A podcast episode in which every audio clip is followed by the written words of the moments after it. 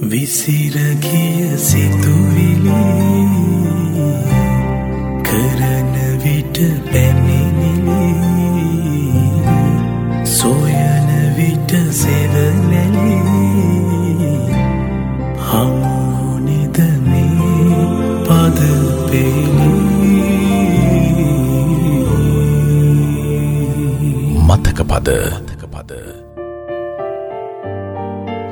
හරි අපි අද මේ පුරුදු විදියට මතක පදත් එක්ක ගත කරන්න මේ මොහොත වෙන් කරගන්නවා.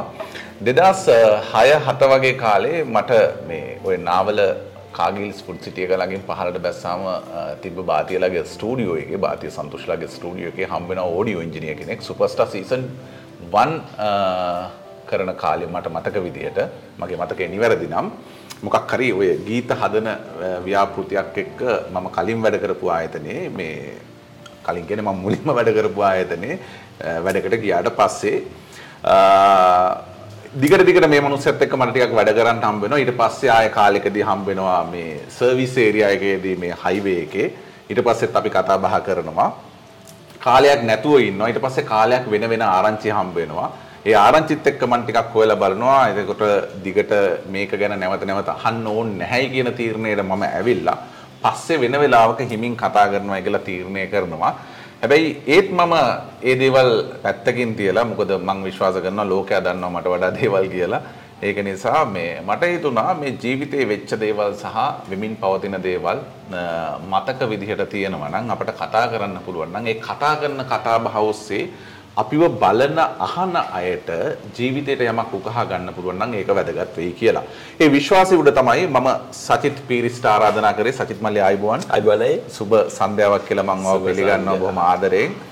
අපේ හමුවීම ওই විදිහට තමයි සටහන් වෙන්නේ.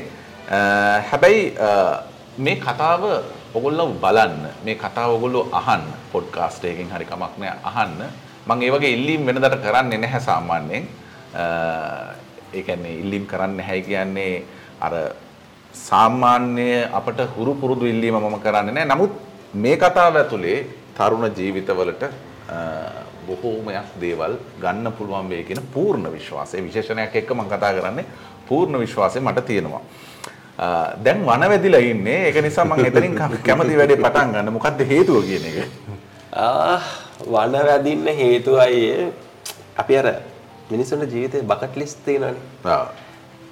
මගේ ඇත ගොඩක් අයගේ බකට් ලිස්ට් වල තියෙනවා ස්විට්සර්ලන්ඩ් යන්න අර යන්න මෙහෙ යන්න ඔය ඩුබායි යන්න ඒවා මේවා තියෙනවා. මගේ එහෙම කවදාවත් මගේ මට බකට් ලිස්ට් එකක් කියලා ගන්න නැහැ. හැබැයි අර ආස දේවල් තියෙනවානේ. ඒ ලිස්ට් එකේ අයියේ පිටරටවල් ඇත්තටම තිබ්බෙම නැහැ. අදටත් එහෙම ආසාවක් නෑ ලොකුවට. මගේ තිබ්බේ පොඩක් අර පොඩි ඇඩ්වෙන්චර් දේවල්. එක එක ඒ කියන්නේ අමුතු අමුතු වැඩ තිබ්බා. මං කැමති මිනිස්සු ඉගැන හිතුවමත් නිකං අර ඔල්ලුව කැරකිල යන වැඩ. ත්‍රාසය බීතිය කුතුහලය. ගැන ගැන්නේ මට ඒවයින් ගොඩක් සීට අනුවක් විතරමං කර. මට කරන්න බැරිවෙච් එකම එකයි තියෙන්නේ. මට මේ ඒගැන්නේ මට ආසාාව තිබ්බයියේ හෙලිකොප්ට එකකින් ගිහිල්ලා. ලොකු ජලාශ තියෙන වික්ටෝරියා හරි සමනල වැව හරි අඩි සීයක විතර ඉඳන් අරකට පනින්න ඒක මාර ආසාවත් තිබ්බ. ඒ කියන්නේ මට ඒකට chance එකක් මං හදාගන්න මාර උත්සාහයක් දැරුවා. අපි අර කලින් ප්‍රෝග්‍රෑම් එකක් කර ඇඩ්වෙන්චර් ඒකෙදිත් මං ඒ මේක දැම්මා. ඒගොල්ලෝ බයයි ඒකට try එකක් දෙනවා දැන් අයි කරන්න. ඉතින් ඒක කොහොම මගේ ඔය බකට් ලිස්ට් එක කෙසේ වෙතත් මං අර කැමති මේවා එකේ තිබ්බා. මේ කොළඹ අපේ කලබල ජීවිතේ ට්‍රැෆික් හැමදාම දකින නිතර වැඩට යන අර එහෙන අපි මාරයි කියලා ගොඩක් දෙනෙක් හිතන් ඉන්න ජීවිතෙන් අයින් වෙලා හරිම නිස්කලංක තැනක ගහකොළ තියෙන ගඟක් තියෙන ඊට පස්සේ සත්තු සිව්වාව ඉන්න. එහෙම තැනක නිදහසේ ජීවත් වෙන්න යම් උදේට නැගිට්ටම ලස්සන කඳු යායක් පේනවා. මීදුව තියෙනවා. ඔහොම ඔය වගේ ඒ වගේ ඒ වගේ එකක තනියෙන් ඉන්නවට ආසාවක් තිබ්බා. ඉතින් ඒක තමයි ගත කරනවා. කොහොමද මේක මේ දරා ගැනීම ඒ කියන්නේ ඒක ඔයාලට ප්‍රශ්නයක් නැතුව ඇති මම විශ්වාස කරන විදිහට. ඒ කියන්නේ දැන් අතිශය නාගරික පරිසරයක ඉඳලා අතිශය විනෝදකාමී වටපිටාවක ඉඳලා මේකෙන් සම්පූර්ණයෙන්ම අර විතැන්වෙනවයි කියන්නේ අපි සම්පූර්ණයෙන්ම මේකෙන් අයින් වෙලා ගිහිල්ලා මේ ඒක මම විශ්වාස කරන විදිහට මම දන්නේ ඒක වාගේ වාගේ කොහොමද ආයක ඩිෆයින් කරගන්න ආයක අර්ථ දක්වන්නේ කියන එක. හැබැයි වැකියුම් එකක් එනවනේ පොඩි නිකන් හිස් තැනක් හිස් බවක් හිස්කමක් ජීවිතේ වෙන්න පුළුවන්නේ. ඈ අපුතලේ වගේ තැනක ප්ලේස් වෙලා තනියම ඉන්නවයි කියන එක සෙල්ලම් වැඩක් නෙමෙයි. ඒකට ටිකක් ඔළුවත් වෙන විදිහකට හදාගන්න ඕනේ. හැබැයි අර ජීවිතේ ඒක ආශාවක් විදිහට තිබිලා බකට් ලිස්ට් එකේ තිබිලා එහෙම පූර්ව සූදානමක් තිබ්බ නිසා ඒක පුළුවන්කමක් තියෙන්න පුළුවන්. නමුත් අර මට හිතෙන්නෙම මේ මිනිහා කොහොමද මෙහෙම ගිහිල්ලා ඉන්නේ කියලා. අයි මෙමයි අපි ජීවිතේ ඉස්සරහට යන්න අපේ එක්ස්පීරියන්ස් එක්කනේ. එනවා හිතන්න ඔයාට පුද්ගලයෝ දෙන්නෙක් ඉස්සරහට හම්බෙන හරිද? එක්කෙනෙක් හොඳටම හොඳයි. අනිත් එක්කෙනා ඔයාට සෑහෙන අවුල් දේවල් කරනවා. එතකොට ඔයා ජීවිතේ ඉස්සරහට යන්න තෝරගන්න අර මනුස්සයා. හොඳ මනුස්සයා. මම මෙයත් එක්ක යන්න ඕනේ. ඒ වගේ ඒක මම මේ කියන්නේ උද සරල උදාහරණයක්. එතකොට මගේ ජීවිතේ එක්ස්පීරියන්සස් එක්කයි මම හිටපු කාර්ය බහුල ජීවිතය එක්ක ඔයා දැකලා තියෙන අපි ස්ටුඩියෝ එකේමයි අපේ රෑ එලි වෙන්නේ. එළියනවා රෑ වෙනවා අපි දන්නේ ඉතින් මේ එහෙම එහෙම මේ මේ එකක එක තැනකදී ඔක බ්‍රේක් වෙනවා වගේ. බ්‍රේක් වෙලා මම සම්පූර්ණ නිහඬ වෙනවා. ඒ කියන්නේ මගේ ජීවිතේට ආව ප්‍රශ්නත් එක්ක. ඒ කියන්නේ අසනීප තත්ත්වයක් ආවා. ඒක ගොඩක් දෙනෙක් දන්නවා. ඒක බ්‍රේක් වෙනකොට අයියේ මම දැක්ක ජීවිතේ කඩා වැටෙන විදිය. ඒ කියන්නේ අපි ආස කරලා අපේ ළඟ තිබ්බ දේවල් අපි එකතු කර මහ- මහන්සි වෙලා රෑ නිදි මරලා එළි වෙනකන් ස්ට්‍රෙස් අරගෙන ගෑස්ට්‍රික් හදාගෙන වැඩ කරලා අපි එකතු කරගත්ත සල්ලි. හරිද? ඊට පස්සේ අපි වටේ ඉන්න මිනිස්සු. ඊට පස්සේ අපි ওই මෙටීරියලිස්ටික් දේවල් තියෙන්නේ අපි වාහනද අරවද මේවද මේ මේ මේ හැමදේම ඇස් ඉදිරියේ නැති වෙනවා මම දැක්කා. හරිද එතකොට මුල් ටිකේ පොඩි අවුලක් තිබ්බා ඒකට. දැන් මෙච්චර මහන්සිලා මේව කරගෙන අයියෝ මට මේ දේ නැති වෙනවා කියන එක. හැබැයි ටික දවසක් යනකොට ඒ දැන් අපි අපිට ඔප්ෂන් දෙකක් තියෙනවා. ඒ දේවල් නැති වෙනකොට අපිට කියන්න පුළුවන් දරා ගන්න බැරුව මේකෙන් යන්න පුළුවන්. අයින් වෙන්න පුළුවන්. හැබැයි දරාගෙන ඉන්න පුළුවන් කියන ඔප්ෂන් එකේ ඉන්න එක ටිකක් අමාරුයි ඒත් ඒක මරු. ඉතින් මම ඒක දරාගෙන ඉන්නවා. මොකද අපි මම මම සාමාන්‍යයෙන් අර ඕනම එකක් ආවම දුක දුකට හේතුව දුක නැතිවීම දුක නැතිවීමේ මාර්ගය තමයි මගේ මේක අපි ඉගෙනගෙන තියෙන මේකත් එක්ක. මොටෝ එක වගේ ඒක මොට එක වගේ. මම දුකට හේතුව හොයන්න ගත්තේ. දැන් හේතුව තියෙනවනේ ඇස්- ඉදිරි පිට මගේ. පස්සේ- භුක්ති විඳලා හේතු හරියට හොයාගන්න බෑ. ඊට පස්සේ දුක නැතිවීමේ මාර්ගය. එතකොට මම මට ආයි හිටපු දේම කරනවා කියන එක තමයි මගේ දුක නැතිවීමේ මාර්ගය කියන එක මුලින්ම ඔලුවට එන්නේ. මම නෑ මං ආයි සින්දු කියලා මම හැබැයි ඒකත් කරන්න බැරි තැනක් එනවනේ. එතකොට අපි කරන්න ඕනේ ඕනම අපිට කරන්න බැරි තැනකදී අපේ අපේ කියන්නේ ප්ලෑන් එකට අපිට යන්න බැරි නම් ප්ලෑන් එක වෙනස් කරන්න. හැබැයි ගෝල් එක එකයි. ඔව්. ගෝල් එක එකම තියාගෙන ප්ලෑන් එක වෙනස් කරන්න. වෙනස් කරන්න. අපි පාර මේ තියෙනවනේ පාරට ගල් වැටිලා පාර වැහිලා නම් එතනට වෙලා හිත හිත ඉඳලා වැඩක් නැහැ. ආයි පාර කොනට ගිහිල්ලා ආයි ඇවිල්ලා වැඩකුත් නැහැ. ගල් ටික කවුරුත් අයින් කරලා තියන්න නැති වෙන්න පුළුවන්. අපි මෙහෙම පාරක් කපාගෙන හරි යන්න ඕනේ. එතකොට ඕක මගේ ඔළුවට ඒ ඔය ඔය ආපු මේවා ටිකත් එක්ක දාගත්තා ඒක. එතකොට මගේ ආසාව තිබ්බා ඔය ගිහිල්ලා අර මං කිව්වා වගේ මේ පරිසරයක ජීවත් වෙන්න. මේ ඉතින් ඒ ඔක්කොමත් එක්ක ඊට පස්සේ මම දැන් මට දේවල් නැති වෙන එක එච්චර ලොකු ගාණක් නැහැනේ. අ, මං කරේ දේවල් නැති කරගත්තා. මොනවාද? ළඟම තියෙන කඩවල් ටික, ළඟම තියෙන ඉස්පිරිතාලේ අපිට උදේට අදට හම්බෙන තේ එක ඉඳන් ඔය ඔය ඒ ඒ සරල දේවල් ටික.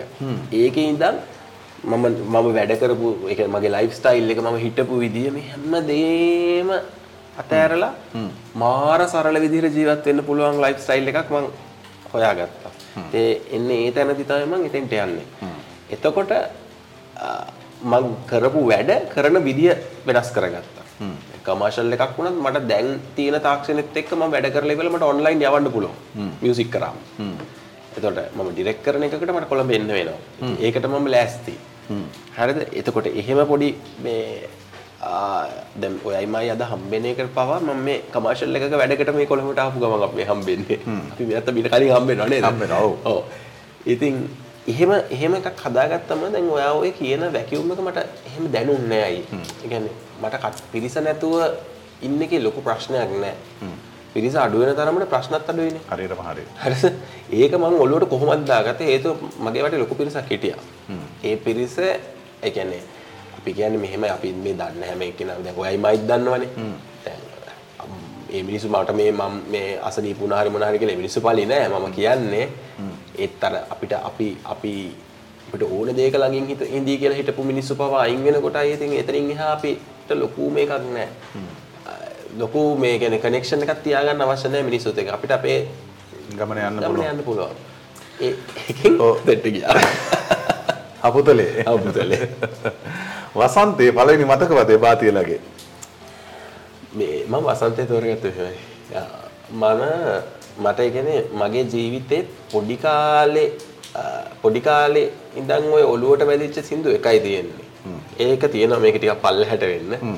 අ, ඒක මම මුලදිම ගේන්නේ නැති හේතුවකුත් තියෙනවා මම ඒකත් කියන්නම්. අ, ඊට පස්සේ මට එහෙම සින්දුත් එක්ක ජීවිතේ ගෙවිච්ච ඒවා පොඩි කාලේ තිබ්බේ නැහැ. මතකපද නැහැ එහෙම. අපි නිකන් අහනවා නේ එහෙම. හැබැයි වසන්තයේ ඒකේ පොඩි එකක් තියෙනවා. මම බාතිය සන්තෝෂ්ව මුලින්ම ඇහෙන්නේ ওই සින්දුවේ රේඩියෝ එකක. එතකොට අපි කරන්නේ කැසට් එකක් තියාගෙන රෙකෝඩ් එක ඔබනවා සින්දුව යනකම් අහන් ඉඳලා. ඒක චුට්ටයි තමයි ඕකේ මේව කරේ.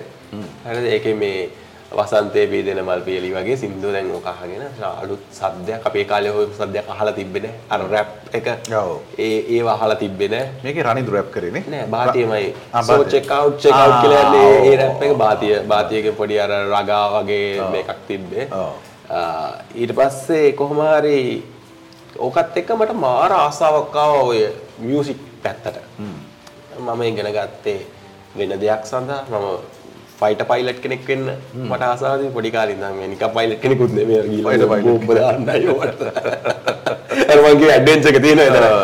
ඉතින් මට ආසාවක් තිබ්බේ. ඉතින් ඒකත් එක්ක මේ ඊට පස්සේ ඔය ඔය වසන්තේ එක අහගෙන යනකොට ඊළඟට එනවා සිරිසංග බෝධි. හ්ම්. ඔය ආයිත් ඒගොල්ලෝගේ තව එකක්. ඒකෙත් වෙනස් සද්ද වෙනස් මහරලුත් මට මාරු උමනා තිබ්බ දැන් මේගොල්ලෝම හම්බ වෙන්න එතකොට මම මම හිතන්නේ 7 8 වසර 8 වසර වගේ ඇති.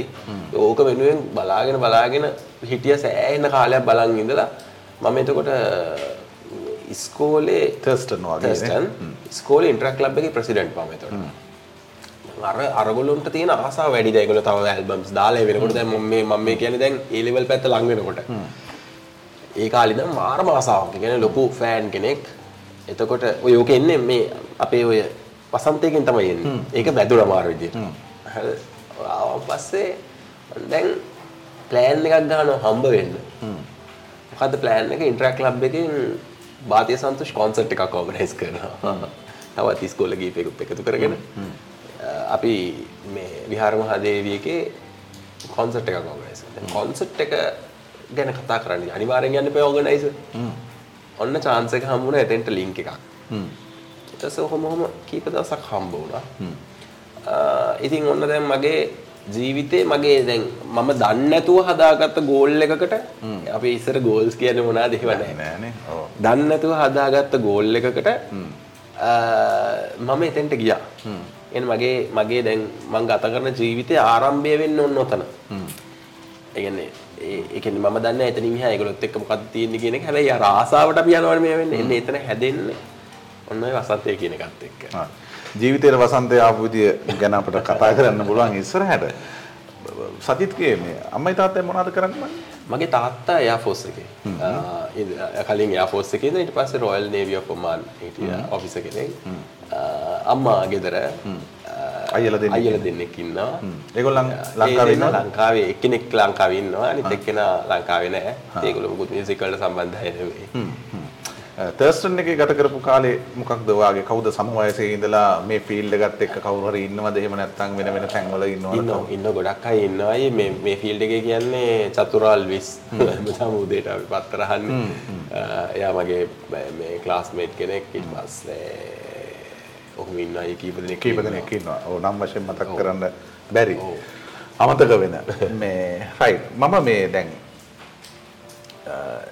ජීවිතේ වුණ දේවල් සහ මේ ජීවිතය ගැන ඊට පස්සේ හිටපු විදිය ගැන අපට තව ඉස්සරහට කතා කරන්න පුළුවන්කමක් හම්බ වෙයි. හැබැයි මම කැමති ටිකක් ඔයත් එක්ක මේ මේ දැන් දැන් වයස කීයද කියලා මම අහන්නේ කියන්න පුළුවන් නම් කියන්න පුළුවන් නැත්තම් නොකිය ඉන්නත් පුළුවන්. වයස 37යි 37යිනේ. හරිද? එතකොට තාම මේ මට ඒක මම වයස 50 60 උනත් මං කියන වයස 60යි 40 ඇඳිරියට ඇවිල්ලා නැහැනේ තාම. නෑ නෑ නෑ දැන් මේ වෙද්දී දැන් ඔයා ඔය මම මේ මම හිතනවා කීප දෙනෙක් එක්කම මේ වගේ ඉන්ටර්විව්ස් කරලා තියෙනවා. හැබැයි මම ඒ එක තම්නේල්ස් විතරයි මම දකින්නේ හේතුව මට ඔයත් එක්ක කතා කරන්න තියෙන උවමනාව නිසා මම සමහර දේවල් කියන්නේ උවමනාවෙන්ම මිස් කරනවා මොකද ඒක ආයිත් රිපීට් වෙයි කියලා. මේ එතකොට තම්නේල්ස් වල තිබ්බ දේවල් මම දැකලා තියෙනවා. හැබැයි ඒකෙන් මම පූර්ණ නිගම කියන්නේ අර පිට කවර බල්ලා පොතේ තියෙන දේවල් මම තීරණය කරන්නේ නැහැ. ඔව්. හැබැයි මේ ජීවිතය ගැන වෙන දැක්මක් ඔයා හදාගෙන තියෙනවා මේ පොඩි කාලෙට.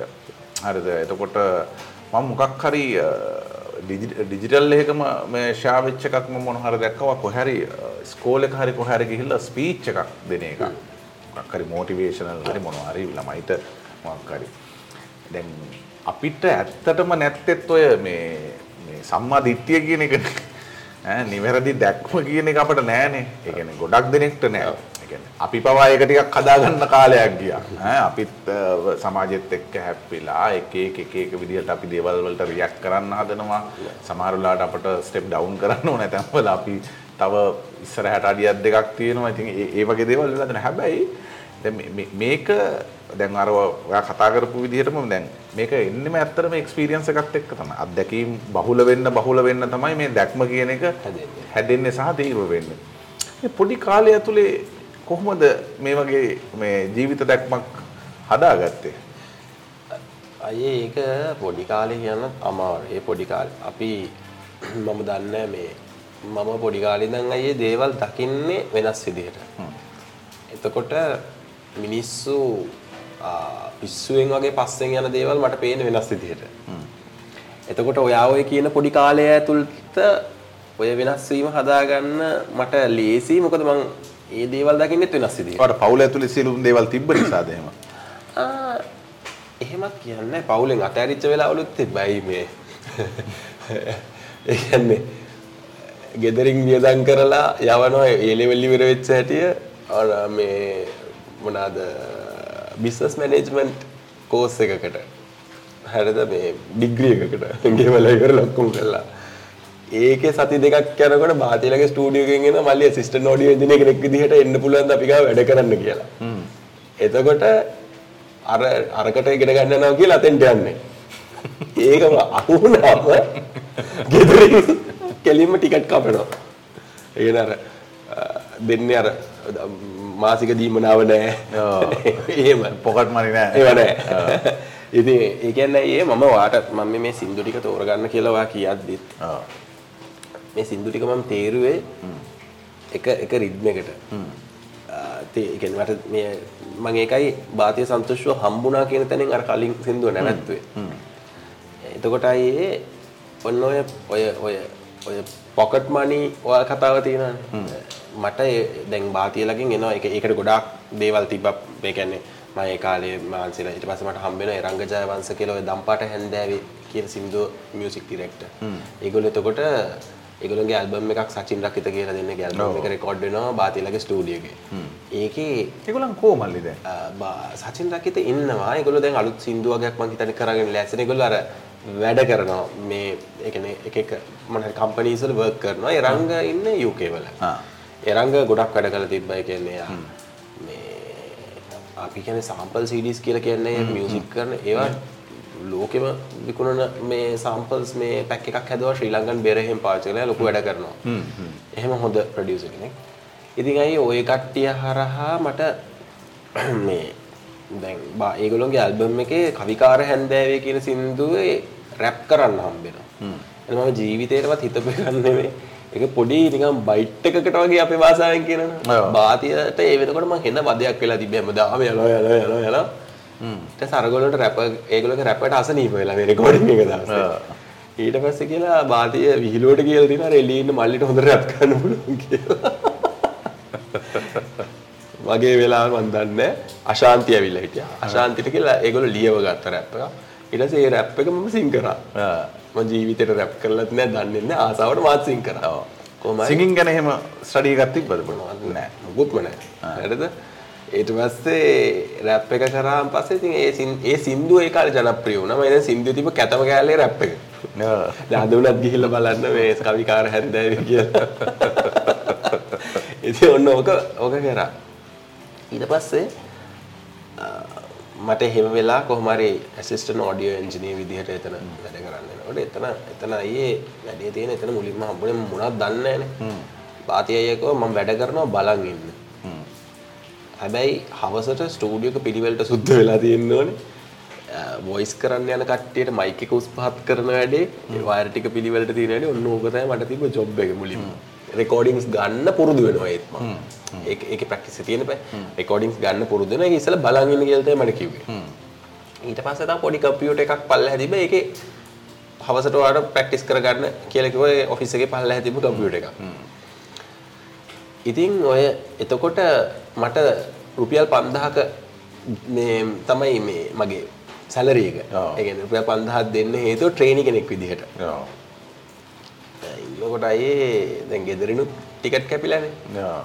දැන් මට ඔෆිස් එකට එන්නත් ඕනේ මොකක්වත් කියන්නත් බෑ. දැන් එතන මිස් කරගන්නත් බෑනේ. බෑනේ උදේට එනවා මම විචරාමේ ඉඳන් 138 එනවා නුගේගොඩට. ඔව්. නුගේගොඩින් 176 බස් එක එනවා කිරිමණ්ඩල මාවත ගාව. ඔව්. කිරිමණ්ඩල මාවත ගාව ඉඳන් කිලෝමීටර් එකමාරක් දෙකකට ලඟ වෙන තියෙනවා අපේ ස්ටුඩියෝ එකට. ඔව්. ඔය ටික පයින් එනවා. හ්ම්. රෑ 6 7 විතර වෙනකන් ඉඳලා පොඩ කළුවර වෙන වෙලාව ඉඳලා කිරිමණ්ඩල මාවතේ ඉඳන් ගෙදෙට්ට වෙනවා පයින්. පයි හොඳයිනේ පොඩ්ඩක් ඔව්, සල්ලි ටික පොඩ්ඩක් ඒ බැලන්ස් කරගත්ත රුපියල් 5000 බැලන්ස් කරගත්තේ ඔහොම. හ්ම්. ඒ ඉස්සර රුපියල් 5000 කියන්නේ සාමාන්‍ය හොඳ ගාණක්. ඔව්. ඔහොම ඉන්නකොට ඒ අ, ඒ කියන්නේ අ, ඒ- ඒ- ඒ කියන්නේ ඒ- ඒ- ඒ- ඒකට මාර කට්ටක් කෑවා. ඉතින් ඕක තමයි ඔය ගෙදරින් මේ ටිකට් කැපුණා මොකෝ මේ මේ දැන් ඊළඟ සින්දු වලට එන එද්දි මං වාට කියන්නම් අයියේ මේ ඒ කියන්නේ ඒ කට්ට ඕනේ ඒ වයස ළමයෙක්ට. ඔව්. මම ඒ ලෙවල් ඉවර වෙච්ච ළමයෙක්ට මං කියන්නේ ඇවිදගෙන කියලා මාරමය ලේසි දේවල් තියෙනවා. දැන් අද වෙනකොට ඔන්ලයින් හම්බ කරන්න පුළුවන් විදිහ අනම්මනම් තියෙනවා. හැබැයි අයියේ ඒකේ මං දකින පොඩි එක පැත්තක් තියෙනවා. ඒක තමයි අපේ අයියේ ජීවිතේට කට්ට කන එක එතනින් එනවා අඩුයිනේ. ඒක ඒක බලපාන්නේ තව චුට්ටක් පස්සට. මේ ඔන්ලයින් ප්ලැට්ෆෝම්ස් අයියේ මේ තියෙනවා මේ කඩා වැටෙන්න පුළුවන්. හරියටම හරි හරිද? ඊට පස්සේ ඒක දරා ගන්න බැරි වෙනවා අන්න නේ ඒක. ඒ කියන්නේ අපිට මාර ලේසියට ඇවිල්ලා තියෙන ඔක්කොම ගෙදර ඉඳන් හම්බ කරනවා ඒ ටික ඔක්කොම. ඒ කියන්නේ මම නම් කියන්නේ ජීවිතේට කිසිම කෙනෙක්ට එහෙම කඩාවැටීම් සිද්ධ වෙන්න එපා. හැබැයි වුණොත් ඒකට ලෑස්ති වෙලා ඉන්න. කටු කෑවොත් තමයි මද ගන්න පුළුවන් වෙන්නේ. අනිවාර්යයෙන්ම. නැත්තම් මද ගන්න බෑ. අපි ඊළඟ මතක පදේට කවුළු පියන්පත් විලක දුරක මල් පිපුණේ කියලා මේ වරහන් ඇතුලේ. ආ විතින් බ්‍රැකට් දාලා තියෙනවා මේ මම දන්නේ ඇයි කියලා. මම ඒ ඔහොම සින්දු දෙක තුනකම එහෙම දාලා ඇති. ඔව් ඔව් ඔව්. මේක තෝරගන්න ඇයියේ මට මිනිස්සු ජීවිතේ කඩා වැටෙන හේතු මට මේ මට ඕක කතා කරන්න ඕන. කියන්නේ මේ කියන්නේ මගේ ලයිෆ් එකත් එක්ක මේවා කරගෙන ඔය සින්දු මතකත් ඒවත් එක්ක. හ්ම්. මිනිස්සු කඩා වැටෙනවා ලව් වලින්. හරිද? ඒ කියන්නේ මට සෑහෙන්න මෙසේජස් ගොඩක් වැඩියෙන් එන්නේ ලව් බ්‍රේක් අප් වෙලා ආ, ඒ කියන්නේ කිසිම හේතුවක් නැතුව බ්‍රේක් අප් වුණා මෙහෙම හිටියා ඔහොම හිටියා ඔහොම ඔය වගේ. කියන්නේ ඒ බ්‍රේක් අප් වීම තුර කො- පිරිමි ළමයි පවා අඬාන මට කතා කරන වෙලාවල් තියෙනවා. ඔය මග- මගේ ජීවිතේ මම හරි කැමති වුණා මගේ ජීවිතේ මුල් කාලෙම මට එන්න ඕන එන්න ඕන බාධක ටික කර කඩන් යන්න ඕන දේවල් ටික ඔක්කොම ආවා. මට තිබ්බා මේ මගේ ෆස්ට් ලව් එක ඒ කාලේ. මේ යා ඒ කියන්නේ ඒ ඒ කාලේ එයා ටිකක් හොඳ සල්ලි තියෙන පවුලක ළමෙක් කොළඹින් ටිකක් පිට. ඉතින් එතකොට මම අයියේ ඔය මං කිව්වා අර මේ අතේ සල්ලි නැතුව පයින් යන කාලේ. ඔව් බාතියලගේ ස්ටුඩියෝ එකේ ඉඳන් ඒ ලෙවල් ඉවරලා එහෙම කාලේ. එතකොට දැන් මේ ඒ ලෙවල්ස් ඉවර වෙච්ච හැටිය මෙයා මේ දැන් අපි හම්බෙලා කතා කරනකොට එයා ටිකක් අර ටිකක් අර අපි කියන්නේ ටිකක් ලොකු කතා කියන්නේ. එයාත් පොඩි. එයාත් කාලේ පොඩි. එන කතා කියන්නේ ලොකු කතා කියන්නේ. ෆිලොසොපිකලි මොනවා හරි කියනවද නැත්තම් නෑ නෑ නෑ. අපි කියන්නේ මිල මුදල් පැත්තෙන් ඒ පැත්තෙන් ආ? මෙහෙමයි අපේ තාත්තගේ වාහනේ මෙහෙමයි අපි මෙහෙමයි. ඔය එක නේ එක කොහෙද ඉස්කෝලේ? කියවන්න අනවශ්‍ය. කොළඹ පිට ආ, ඔව්. හරිද? එ- එහෙම එහෙම තමයි කතා කරේ ඉතින් ඔන්න මට එක දවසක් ෆුල් මං මාරම කට්ටක් කාලා එහෙට යන්න මං සල්ලි හොයාගන්නෙත් මාර කිව්වා මාර මේකක් දීලා. කට්ටක් කාලා ගිහිල්ලා බස් එකේ නැගලා ඒ පයිනුත් ගිහිල්ලා ඕ ගිහලා කොහම හරි ඔන්න හම්බ වෙලා ඉතින් ආසාවෙන් හම්බ වෙනවා. ඉතින් ෆස්ට් ලව් එකනේ ඉතින් අය කතා කර කර ඉන්නකොට අය කියන්නේ. ඔයා බඳින්න නම් ඔය තාත්තට ඉන්ට්‍රොඩියුස් කරන්න නම් ඔයාට ලක්ෂ 10කවත් පඩියක් තියෙන කෙනෙක් වෙන්න ඕනේ ඔයා. ඔය පන්දාය හම්බෙන්නේ ලක්ෂ 10කවත් පඩියද මේ මම මේ කියන්නේ 2000 පහ 6 6 වගේ. පහ 6 වගේ. හරිද? අපට පැයට 200යි ගෙවේ සිරසේ පැය 8ටම 200යි හරිද? ලක්ෂ 10ක් කියන්නේ ඒ කාලේ මාළු ලොකු ගානක්. ඔව් ඉතින් දැන් නම ප්‍රශ්න නැද එයා ඒකම දානවා. මං හිතන්නේ ලංකා ටොප් ලෙවල් එකටම සීයෝ ලා කිව්වේ නෑ දවස්වල එහෙම නෑ මං හිතන්නේ නෑ. මෙන්න මං හිතන්නේ බින්දු ටික විතරයි දන්නේ ඒකේ වටිනාකම දන්නේ ඇත්තටම එයා කියන්නේ එයා ඉතින් එහෙම ෆැමිලි එකක කෙනෙක්. හැබැයි මම මේ ෆැමිලි එකේ ඉඳලා එයා දුප්පත් කෙනෙක් වුණා නම් කවදාවත් ඔය කතාව කියන්නේ නැහැ. ඔයාට එන්න ඕනේ මෙහෙම එකක්. ඒ කියන්නේ ඒක මං හිතන්නේ ඒ කියන්නේ කාය මිනිස්සු නානත්ත සංඥා කියලා හිතා ගන්න තියෙන. එක එක මිනිස්සු ඒක පස්සේ කාලෙක මට තේරුණා එක එක මිනිස්සුන් වෙනස් කියලා. හැබැයි අද ඒ ළමයා ඉන්න තැන මං ඇහුවම ඒ ළමයා සෑහෙන්න අපිට වඩා දියුණු තැනක ඉන්නවා. මං ඒකත් කියන්න මේ කතාව ඉවර වෙද්දි. ඒ ඉතින් ඔහොම කිව්වන් පස්සේ අයියේ ඕකේ මාර මේ වුණා. ඒ කියන්නේ අන්තිමට ඒ ප්‍රශ්නේ පිටින් දාලා ඒක වෙහෙම වෙන්නේ නැහැ. ඔයා මේ සින්දුව පස්සේ යනවා මොකක්වත් එහෙම එකක් පේන්නේ නැහැ කියලා. ඒ ප්‍රශ්නේ දාලා මාත් එක්ක බ්‍රේක් අප් වුණා. දන්නේ නැති යාට මොන මොන හරි ප්ලෑන්ස් තිබ්බත් දන්නේ නැහැ. කොහොම හරි අරක තමයි දාපු මේන්ම මේවක. ප්‍රධානම එක ඉස්සරහට දාලා ඉතින් මුදල්. ඕකෙදී අයියේ මම වැටුණා මාර විදියට. ඒ කියන්නේ ෆස්ට් ලව් එක නැති වුණාන් පස්සේ මිනිස්සුන්ට වදිනවනේ ඒක. වැටුණාගෙන ඇඬෙන ගානටම කියන්නේ ඇඬෙනවා. හරිද? මම මම එතකොට දැන් මට මාරම අප්සෙට්. මම ඉඳලා ඉඳලා දැන් මම මගේ මන් මන් දන්න එක දෙයක් තියෙනවා මගේ ඕනම අප්සෙට් එක සතියයි වැඩිම තියෙන්නේ. ඒ කියන්නේ ජීවිතේ අමාරුම අප්සෙට් එක එන්නේ සතියයි. නෑ මම එතනින් පස්සේ රිකවර් වෙනවා ඒක මගේ විදිහක් මම හොයාගන්න කොහොමද? ප්‍රභාකරන් ලංකාවේ මිනිස්සු ගැනත් කිව්වේ එහෙමනේ නේ දවස් 7යි මතක තියෙන්නේ. මට නෙවෙයි තියෙන්නේ. මං මං ආස නැහැ ඔව්. අවුලෙන් ඉන්න. මොකක් හරි මන් දන්නේ මට ආපු බ- මට මාව මවද්දි දීපු මේකක් වෙනද මං අවුලෙන් ඉන්න ආස නැහැ මොකක්වත් හින්දා. ඒක වැඩිම තියෙන සතියයි වැඩිම. ඒ මට ජීවිතේ එන උප්පරිම ප්‍රශ්නේදිත් මං ගන්න වැඩිම සතියයි. ආරක එහෙමයි කියන්නේ මාරම අමාරුයි වැඩ කරගන්න කන්සන්ට්‍රේට් කරන්න බෑ පුතා. මම දැන් ඊට පස්සේ ඉඳලා ඉඳලා ඉඳලා මම කල්පනා කරා හරි. දැන් මෙයා මොනවද මේ කිය කිව්වේ? මෙයා කියනවා දැන් මා- මාසෙකට මෙන්න මෙච්චර හොයන්න ඕනේ. මියුසික් කියන ඒවා හරියන්නේ නැහැ. මං හිතාගත්ත හරි මට බෑ කියලානේ කියන්නේ කරන්න පා මේ කියන්නේ මේක මේවා නෑ මම ඒකම කරනවා. මං ඔළුව අදාගත්ත නෑ ඒකම කරනවා. මං ඒකම කරනවා කියලා ඒ මම එතනින් පස්සේ මාර විදිහට වැඩ කරන්න ගත්තා. ඒ කියන්නේ වැඩ කරන්න කියන්නේ මා ඒ කියන්නේ මට මුලින්ම ආසාවට බාතිය සන්තෝෂිකව වැඩ කරන්න ફોකස් එකක් තිබ්බේ නෑ. ඒ කියන්නේ ගෝල් එකක් හරියට මම මේකේ මොකක්ද ඊළඟට කරන්න කියන එක එහෙම එකක් තිබ්බේ නෑ. හරිද?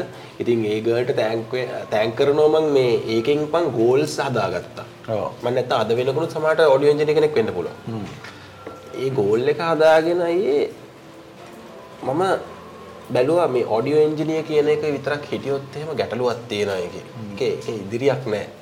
කියන්නේ ඒකේ හැමදාම ස්ටුඩියෝ එකට වෙලා ඉඳීමක් විතරයි තියෙන්නේ. මම මට ඊට පස්සේ අයියේ මම සින්දු හදන්න ඉගෙන ගත්තා. කම්පෝසින්. කම්පෝසිං ඒක තනිකර මම YouTube එක බලාගෙන කීබෝඩ් එක මේව කරගෙන කොහොම හරි ඒ සොෆ්ට්වෙයාර් එක ඉගෙනගෙන හරියට ඒක මේව කරා. ඉතින් මම ඊට පස්සේ බීට්ස් හදා හදා හදා හදා එක්ස්පෙරිමන්ට් කර කර ඔහොම ඔහොම හදා හදා හිටියා. ඒ හදා හදා ඉඳලා කොහොම හරි එහෙම තමයි මගේ නාමල් මිටක් සින්දුව හැදුනේ මුලින්ම. මගේ පළවෙනි සින්දුව උනේ. ඔහොම ඊට පස්සේ මගේ සින්දු සෙට් එක එන්න ගත්තා ඒකෙන් පස්සේ. ඒතර කමර්ෂල්ස් වල මේ හදන්න ගත්තා. ඔය අපි වැඩ කරපු නිල්නුවන් පිම්බරයි වගේ මේ කරපු වගේ සින්දු. ඒ ඒ ඔක්කොම හැදුනේ එහෙමයි. කියන්නේ ඒ ඒ ගත්ත තිනෙන්නේ හිත හීනෙන්ද ඒකත් ප්‍රොඩක්ෂන් ඒකත්- එක. ඒකත්- ඒක මෙලඩි එක වගේද? මෙලඩි එක නෙමෙයි. ඔය ඔය සින්දු කීපයක් තියෙනවා ඒ ඔය set එකනේ? ඔව් සිද්ද ඇලියපු සින්න හින්නේ හිත හිනෙන්දෝ නිල් නුවන් පින් බරයි මහ මෙරක්තරම් ඔව් ඒ මනේ මහ මෙරක්තරම් රංගඩී ඔය සිතක් නම් සිත්තම් සිතක් ඔය ගොඩක් ඒවා අයියේ උනේ ආ කලින් වැඩ කරපු ආයතනෙන් අපිට දෙනවා පිටරට සින්දු. ඒගොල්ලොන්ට රයිට්ස් ගන්න පුළුවන්. ඒ කියන්නේ මේවා මේ කොපි නෙමෙයි. කෙලින්ම අර රයිට් එක කොපිරයිට් එක අරගෙන අපිට දෙනවා මියුසික් රීක්‍රියේට් කරන්න. අන්නේ රීක්‍රියේට් කරන තැන තමයි. එතකොට මම හිටියේ. ආ ඊට පස්සේ අපි රෙකෝඩින් එකේ ඉඳන් ඒ ටික ඔක්කොම කරා ශිහාන් ලාබ් අජිත් බණ්ඩාරලා ඔක්කොම හිටපු ඒ සෙට් ඔව්. එක ඊට පස්සේ සෙට් එක ඒ ඔක්කොම කරේ. ඉතින් අ, කොහොම හරි මම ජීවිතේට ගෝල් එකක් හදාගත්ත එකපට ඔය විලක දුරක මල් පිපුණේ අපට නොවේමයි. ඔරු පාරු ඇවිත් වලායාවී නිල්දි විල්දිය ගැමුරුයි ඔය ඕකේ ඕකේ කෙලින්ම කියන්නේ අර කවුළු පියන්පත් වහන්න සදලු තලාවේ ඕක කියන්නේ කෙලින්ම අර දුප්පත් කොල්ලයි ඔන්න ඔය ඔය ඕකම තමයි අය. හරිද? ඉතින් ඔය සින්දුව මට ඒ කාලේ මම සෑහෙන්න ඇහුවා. මේකේ මාර ගැටලුවක් තියෙනවනේ. මේකේ හරි අසාධාරණයක් තියෙනවනේ. ඒක හරි අසාධාරණයි නේ. ඔය ඔය ෆීලිං හරි අසාධාරණ මේකක් එයාට ඇවිල්ලා තියෙනවා. එහෙම අය ඕන තරම් මම දැකලා තියෙනවා. හරිද? හා කියන්නේ හොඳ අවස්ථාවේදී ඉන්න නැති අවස්ථාවේදී යන මිනිස්සු ඊට පස්සේ ඒ කියන්නේ මම මේ මම දන්නේ ඒක ඒකේ ඒකේ මිනිස්සුන්ට කොහොමද එන්නේ කියන එක දන්නේ. මොකද මට ඒක එන්නේ නැහැ. මට ඒක ඉස්සරින් ඉඳන් මෙන්නේ නැහැ. මට හැමෝම එකයි. ඒ කියන්නේ ලොකු පොඩි මම රජගෙදර මිනිස්සුන්වත් ආශ්‍රය කරලා තියෙනවා මේ පොඩි පැල්පතේ ඔය මේ ඉන්න ඒ යටම ලෙවල් එකේ කියලා මිනිස්සු සලකන මිනිස්සුත් එක්කත් මම මට එකම විදිය. මම ඒක ඒකේ වෙනසක් නෑ. අදටත් එහෙමයි මම මම ඕන කෙනෙක්ගේ ඕන එකක් එක්ක මම ඉන්නවා.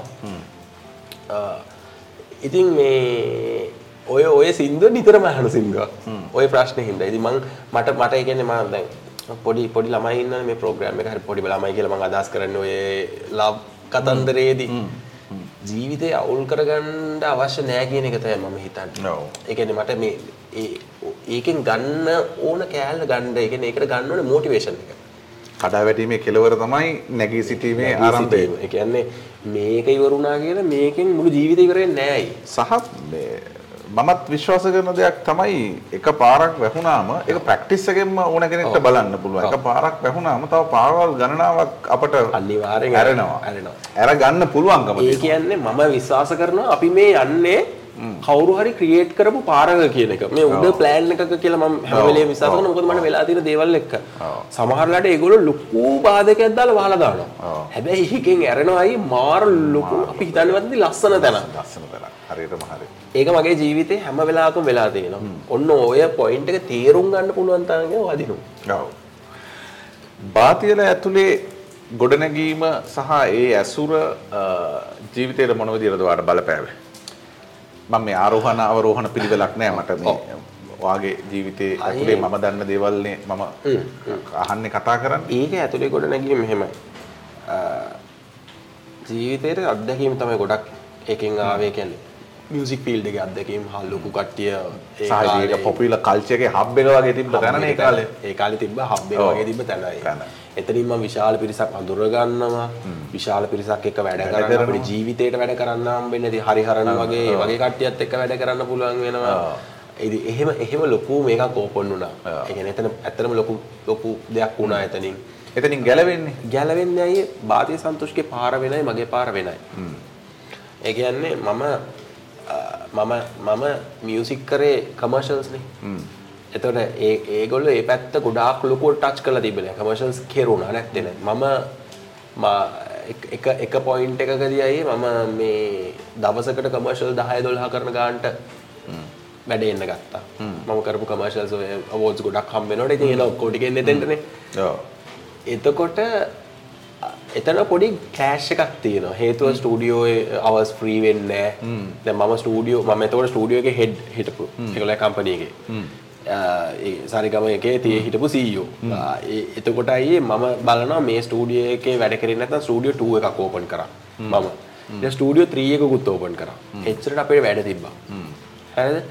එතකොට ඔය ස්ටූඩියෝ තුනම සමහර වෙලාවට මගේ වැඩවලින් විතර පිරලා. මගේ කියන්නේ අපේ කම්පැනි එකට මම කරන වැඩ.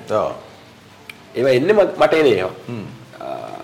සචිත් පීරිස්ට තමයි එන්නේ කමර්ෂල්ස් වල වැඩ කරන්න. සරිගම හැබැයි සරිගම තමයි එක.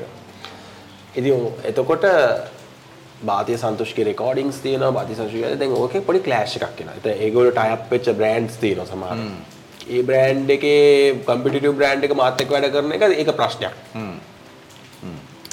එතිකල ඉතින් ඇතිකලි ගැටලුවක් තියෙන දැන් ඒක මේක මේ මේ ඒහින මට සීම අනිත්තක මම කරපු ක්‍රියේටව් මැඩටිස්මන්ස් කෙරිච්ච බ්‍රන්් එකේ මේ මේ මේ මේ කම්පිට බ්‍රන්් එකත වාති සන්තුෂ බ්‍රන්් එම්බැසට වෙලාහිට ඒක ඊට වඩ ප්‍රශ්නය ටෙලිකමිනිකේෂන් මක් ටෙලිකමිනිකේෂන් එ හැමගෙනෙක ආදරේ මේකක් ඒපරේදක පෝස්ටුත් කර එක කමශල්ලයක් එක මොබිටෙල් මොබිටල් අපට මොබිට අප කියන්න පුලන්න ඩාලා මට අමතගෙන හැමල මෙට ප්‍රෝග්‍රම කියල තෙන්න ඩයිලෝගක බ්‍රන්ඩ් පසට බාති සාතුෂ. ති එහෙම පොඩි ගැටලු තිබ්බා. එතකොට පාත් දෙක දෙකක්කින්ද ට මට එතැදි ගැලවෙන්න වෙනවා. නැත්තන් ඒක අර දිගටම කලෑශ් වුනොත් ඒක ඒක යාගොල්ලොන්ගේ වැඩ කරෙන්නෙත් නෑ මගේ වැඩ කරෙන්නෙත් නෑ. ඒ ඒක මම හිතල කරපු දෙයක් උත්නෙවේ ඒක ඉබේම වැටිච්ච තැනක් ඒක. අපි දන්නෙම නැතු අපේ කරපු වැඩ හිට්ටලා ඒ වැඩ ගොඩට වැටෙන සිද්ධ වුණා. එතොට ඒකෙන් ගැලවෙන්නත් බෑ. ඔයා දකින්න කාරය බහුල මාව දකින්න එතකොට එන්නේ ඕවත් එක්ක. නින්දක් නැති. ඒ මේක අනිවාරෙන් ඩෙඩ්ලයින් වලට දෙන්නට අනික අනික ටීවි කමාශල් වල හෙමයි එන්නේ. උදේ ෂූට් කරලා එඩිට් කරලා ඉවර වෙන එක මේක පාට දෙන හෙට උදේ ගහන්න ඕන කියලා. එහෙම වෙනවා. ෂෙඩියුලින් වලට දාලා තියෙන්නේ. හෙට දාලා තියෙන්නේ කියලා දෙනවා. ඉතින් එහෙම ඉතින් ඒ ඒ ඒ ස්පීඩ් එකකට මම පුරුදු වෙලා හිටියා.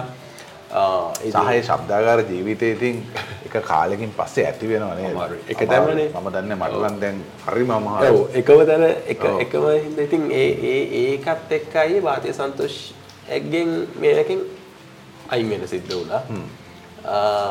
ඉති හොද බාධය සන්තුෂ්ලකින් අයිගුණේ ඒවනට එක්ස්පෝෂය හොඳයි. එකත් එක හිදලා අපි හදාග අනිකමන් ගොඩක් සමහර සමාරක වැඩකර වර්ක් ඩිසිපලින්න එක හදාගත් එතන පාතය මට බැනල තින බානක ඒගෙන වැඩ ඉස්මුල් කාලේ.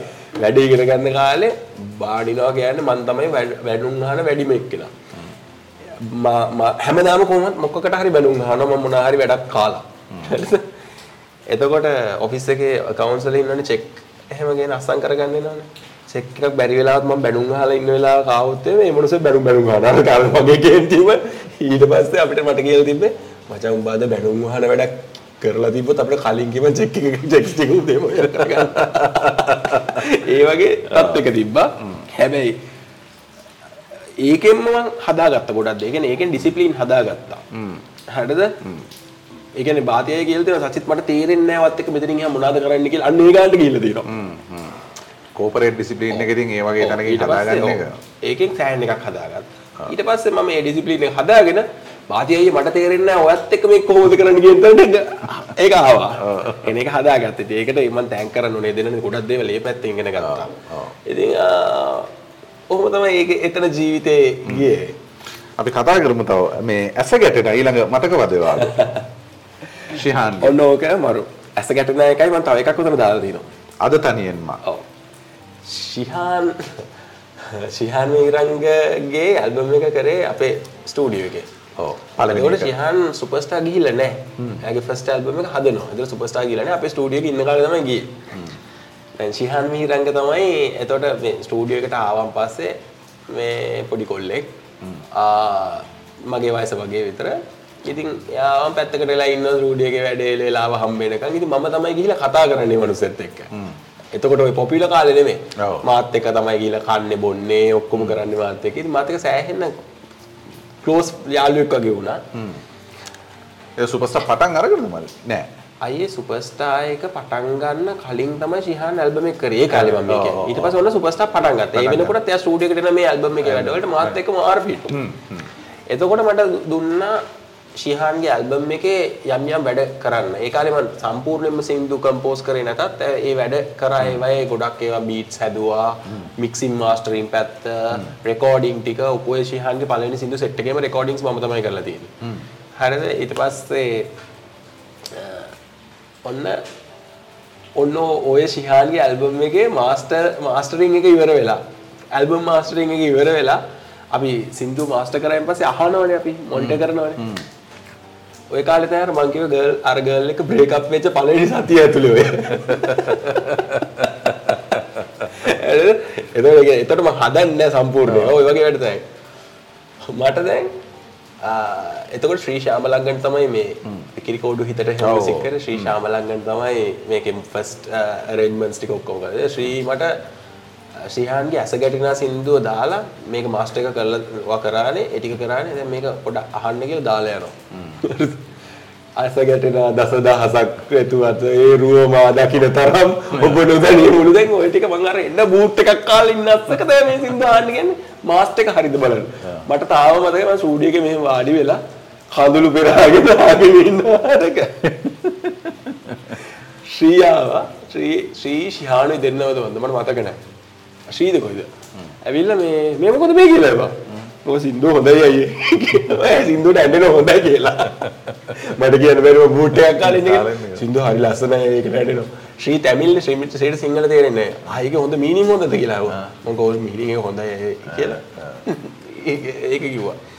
දැන් ඊට පස්සේ ඒ ඕක මේක කරා. ඊට පස්සේ දැන් මං කියවන සතියයි අල්ලන් ඉන්නේ කියලා මගේ තියෙන දුක. ওই කාලේ ශිහාන්නුයි මා ඇවිල්ලා අද තනියෙන් මා සින්දුවේ මේ ඩ්‍රම් බීට්ස් ටිකේ බ්‍රේක් වගේක් හදන්න ඕන ශිහාන්ට. අර ඩ්‍රම් රෝල්ස් තියෙන්නේ මේ ඒක කොහෙ කොහෙද දන්නවද? පාළුව වී අද ඔබේ ඒක පටන් ගන්නකොට ඩ්‍රම් රෝල් එක ඒක ශ්‍රීහාන්ට තිබ්බ එක සෙට් වුණා. එයාර මාත් එක්ක වාඩි වෙලා ඒක හැදුවා. මම තමයි මේක හදන්නේ අර මේ වෙන්නේ. එතකොට තමයි මේ සින්දු හරියටම මම තේරුම් එක්ක අහන්න මේ වුනේ. දැන් මේකේ තියෙන්නේ දැන් කෙල්ල දාලා ගියට අවුලක් නෑ මං අඬන්නේ නෑ කියලා. කතන්දර. අර ඒක හරියට හිට වෙනවා ඒක. අර ඒ ඇඬුවම දැන් ඒ සතිය ඉවරනකොට දැන් මේක. ඒක හරියට මේ වෙලාවේ මූඩ් එකට සෙට් වෙනවා. ආ. ආ, මොකද්ද මේ අද තනියෙන්ම අඬන්නේ නෑ මගේ ඒ කාලේ තේමා ගීතය ඕක. දැන් හරි දැන් දෙන්න ඔබ නැති වුණාට මට කිසි අවුලක් නෑ. අන්න ඕක තමයි දැන් එතකොට අර ඒ කාලේ පොඩි කා පොඩි කාලේ ඉතින් පොඩි අය ඉතින් ඔය ඔය- ඔය සින්දු ටික මම තෝරගත්තේ ඕක මට තාම මතකයි ඒ සිද්ධි ටික. මේ ඒකයි මට ඉස්සෙල්ලා කතාවේදී කියන්න බැරි වුණා. දැන් ඔය මම කිව්ව ගර්ල් අපිට වඩා ජීවිතය ඉගෙනගෙන එයා දැන් මෙහෙණින් වහන්සේ කෙනෙක් ආරංචියක් ආවා. ඉතින් මම ඇත්තටම සතුටුයි ඒකට. මිනිස්සු ජීවිතේ තේරුම් අරගෙන ඔව් මටත් ඔයාලට එකක් කියන්නම දුන්නා. දැන් ඔයා මේ කවුළු පියන්පත් ගැන කතා කරානේ. දැන් කවුළු පියන්පත් මියුසික් කරේ ඔව්. විශ්වත් මහන වෙලානේ. ඔයා දන්නේ නැද්ද ඒක? නෑ, මම අවුරුදු ගාණක් විශ්ව මං හිතන්නේ විශ්ව අපිත් එක්ක අවසානට උයාගෙන කාගෙන බීගෙන හිටියේ විශ්ව කොස්සත්තේ බත්වල ඔව්. කොස්සත්තේ. දෙදස් එකොළහ දොළහ කාලේ හිටියා දොළහෙන් පස්සේ දොළහේ අවසාන කාලය කොමට මටත් ඔය වෙන ප්‍රොජෙක්ට් එකකට යන්න එන්න වුණා මට ඊට පස්සේ විශ්වගේ ඇසුර නැති වුණා විශ්වත් එහෙමම හුදකලා වුණා දැන් අ, කොස්වත්තේ සමාහිත හිමි නමින් කිරිපත්ගොඩ ඥානනන්ද හාමුදුරුවන්ගේ අ, මොකක් හරි අසපුවක් ඔව්, ඔය ඔව්, අසපුනේ ඒ කියන්නේ ඔව්. මේ එහෙම මේ එතන සෑහෙන ගොඩක් කට්ටිය මහනවා නේද? මන් දන්න ගොඩක් ඔව් ඉතින් දන්නේ නැහැ. මේ කසුන් එක්ක කතා බහ කරනවා මං හිතන්නේ. කසුන් කතා කරනවා බලන්නත් ගියාම මට නම් තාම මේ මහන් වුණාට පස්සේ ෆොටෝස් දෙක තුනක් දැකලා තිනවා දැක්කේ නැහැ. මටත් ඒක කියන්න බැරි වුණා මේ මිනිස්සු වෙලාවට වෙනවා අපේ තේරුම් Facebook අරන්- එකේ ඔව්. ඒක කරන එක මරු. ඔව් ඉතින් හැබැයි ඉතින් මම විශ්වාස කරන දේ තමයි අර කලකිරීමෙන් සතුනට යනවට වඩා. ඔව්. ක්ලයිමැක්ස් එක කියන එක තමයි. මම මේ මං එනවා ඒක ඕ මේ මරු කියන එක. රයි් අපි මේ සිින්දු දෙක ගැනම කතා කරපු නිසා ඊළඟ කතාවට යන් දැන් මේ ඔයා මේ කතාව කියලත් ඇති දන්නවත් ඇති. හැබැයි මට ඒක අර ටිකක් කර දුක වහරණ කෑල්ලට වඩා මං කැමති ටිකක් කර මිනිසුත් එක පොසිටිව්ලි දේවල් කතා කරන්න. අර සාමාන්‍ය විවාහරයේ තියෙනද කෙලවිලා ඉන්නේ බං අයියෝ වැලේ වැල් නෑ. මොකද්ද කරන්න කියලා තේරෙන්නේ නෑ. කියන උන් එක්ක මන් ටිකක් ඇසුර අඩුයි. අසුර අඩුයි කියන්නේ මම මේ කියන්නේ පර්පස්ලිම මම ටිකක් අයින් වෙනවා. හිතාමතාම මොකද මං ඒ නෙගටිව් එකට කැමති නැහැ නැති වෙන්න පුළුවන්. හැබැයි ඇති කරගන්නේ කොහොමද කියන එක ගැන නිතර නිතර හිතන්න ඕනේ. මං අර මැනිෆෙස්ට් කියන එක ගැන සෑහෙන්න විශ්වාස කරනවා. සහ මේ යුනිවර්ස් එක ගැන මේක ගැන මම විශ්වාස කරනවා. අපේ සිතුවිලි තමයි ප්‍රබල. සිද්ධාර්ථට බුදු වෙන්නත් සිතුවිල්ලක් නේ පහළ වුණේ. පහළ වුණේ. එතකොට සිතුවිල්ල අපි කොහොමද මේ ප්‍රැක්ටිකලි ඒක කරන්නේ? ඔව්. හරිද? ඊට පස්සේ එතනින් එහාට එන ටික අපිට විසඳ ගන්න පුළුවන්. දසමාර සේනාව කිව්වා වුණා මේවා වුණා. හැබැයි ගමන ගියානේ. ඉතින් දැන් අපිට තියෙන ඇත්තටම බුදු වෙනවා වගේ ලොකු ගෝල්ස් නෙමෙයිනේ. ඈ ජීවිතේ මේ ලෞකික ජීවිතේ කොහොම යහමින් සැපෙන් සනීපෙන්. ඉපදිච්ච හින්දා මේ ගේම ගහගෙන මේක යන එක අන්න ඒකනේ. අපිට තියෙන්නේ. එතකොට දැන් මේක යද්දිත් අපිට එක එක එක එක දේවල් එනවනේ හැබැයි අපි වෙල්ත් එක හදාගන්න තමයි try කරන්නේ. හැබැයි ඒකෙන් අපි දන්නේ අපේ හෙල්ත් එකට කොච්චර ඩැමේජ් වෙනවද කියන එක එහෙම දැන් ඔයාලට එහෙම ඩැමේජ් එකක් වුණානේ ඔව් හරිද? ඒ කියන්නේ දැන් අපි ඇත්තටම දැන් ඒ වගේ රෝගයක් ගැන අපි ටිකක් කතා කරන්නත් අකමැතිනේ. දැන් අ, ඒක ටිකක් අපි බයයි. ඔව්. පළවෙනිම කාරණාව බයයි.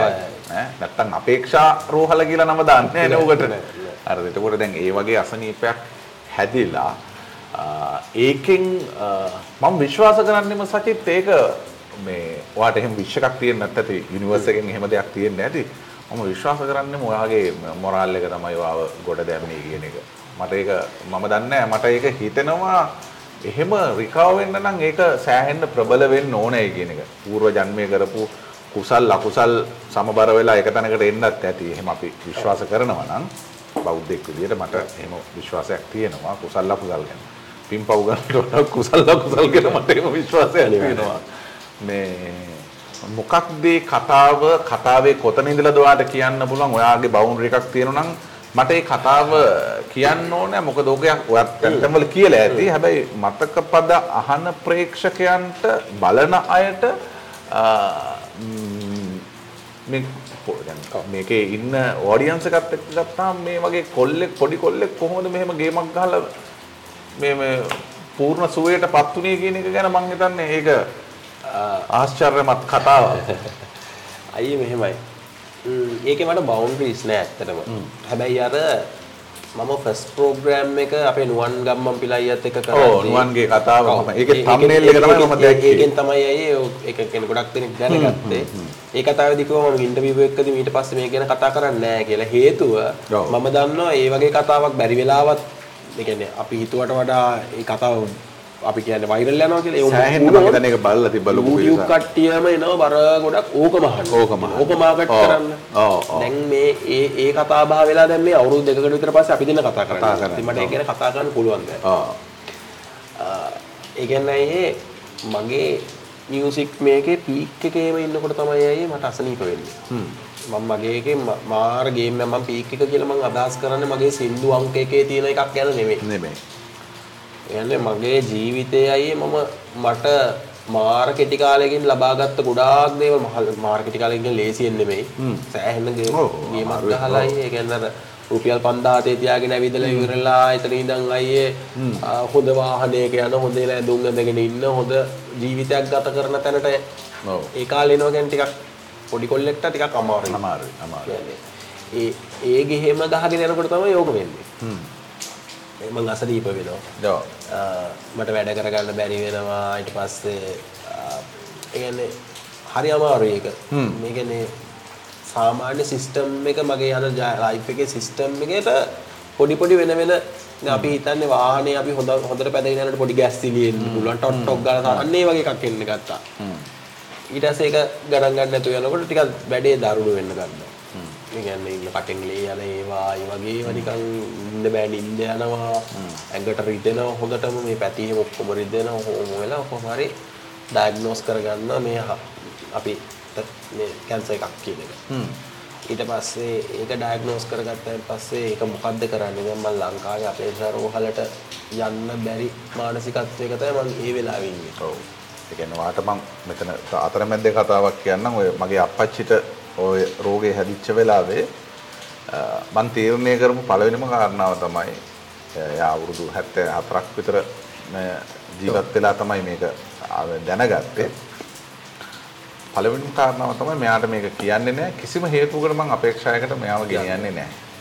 හැබැයි එයාට තව ජීවත් වෙන්න තිබ්බ එක නැති වුණා. ඔය වගේම කුරුණෑගල ජෙනරල් හොස්පිටල් එකෙන් එයාගේ ක්ලිනික් එකකට ගියාම මේ එයාගේ ඩයග්නොස් කාඩ් එක බලපු නර්ස් කෙනෙක් ඔයා මොකද මෙතන ඉන්නවා කැන්සර් පේෂන්ට් කෙනෙක් කියලා. එතනින් තමයි වැඩේ එළියට එන්නේ.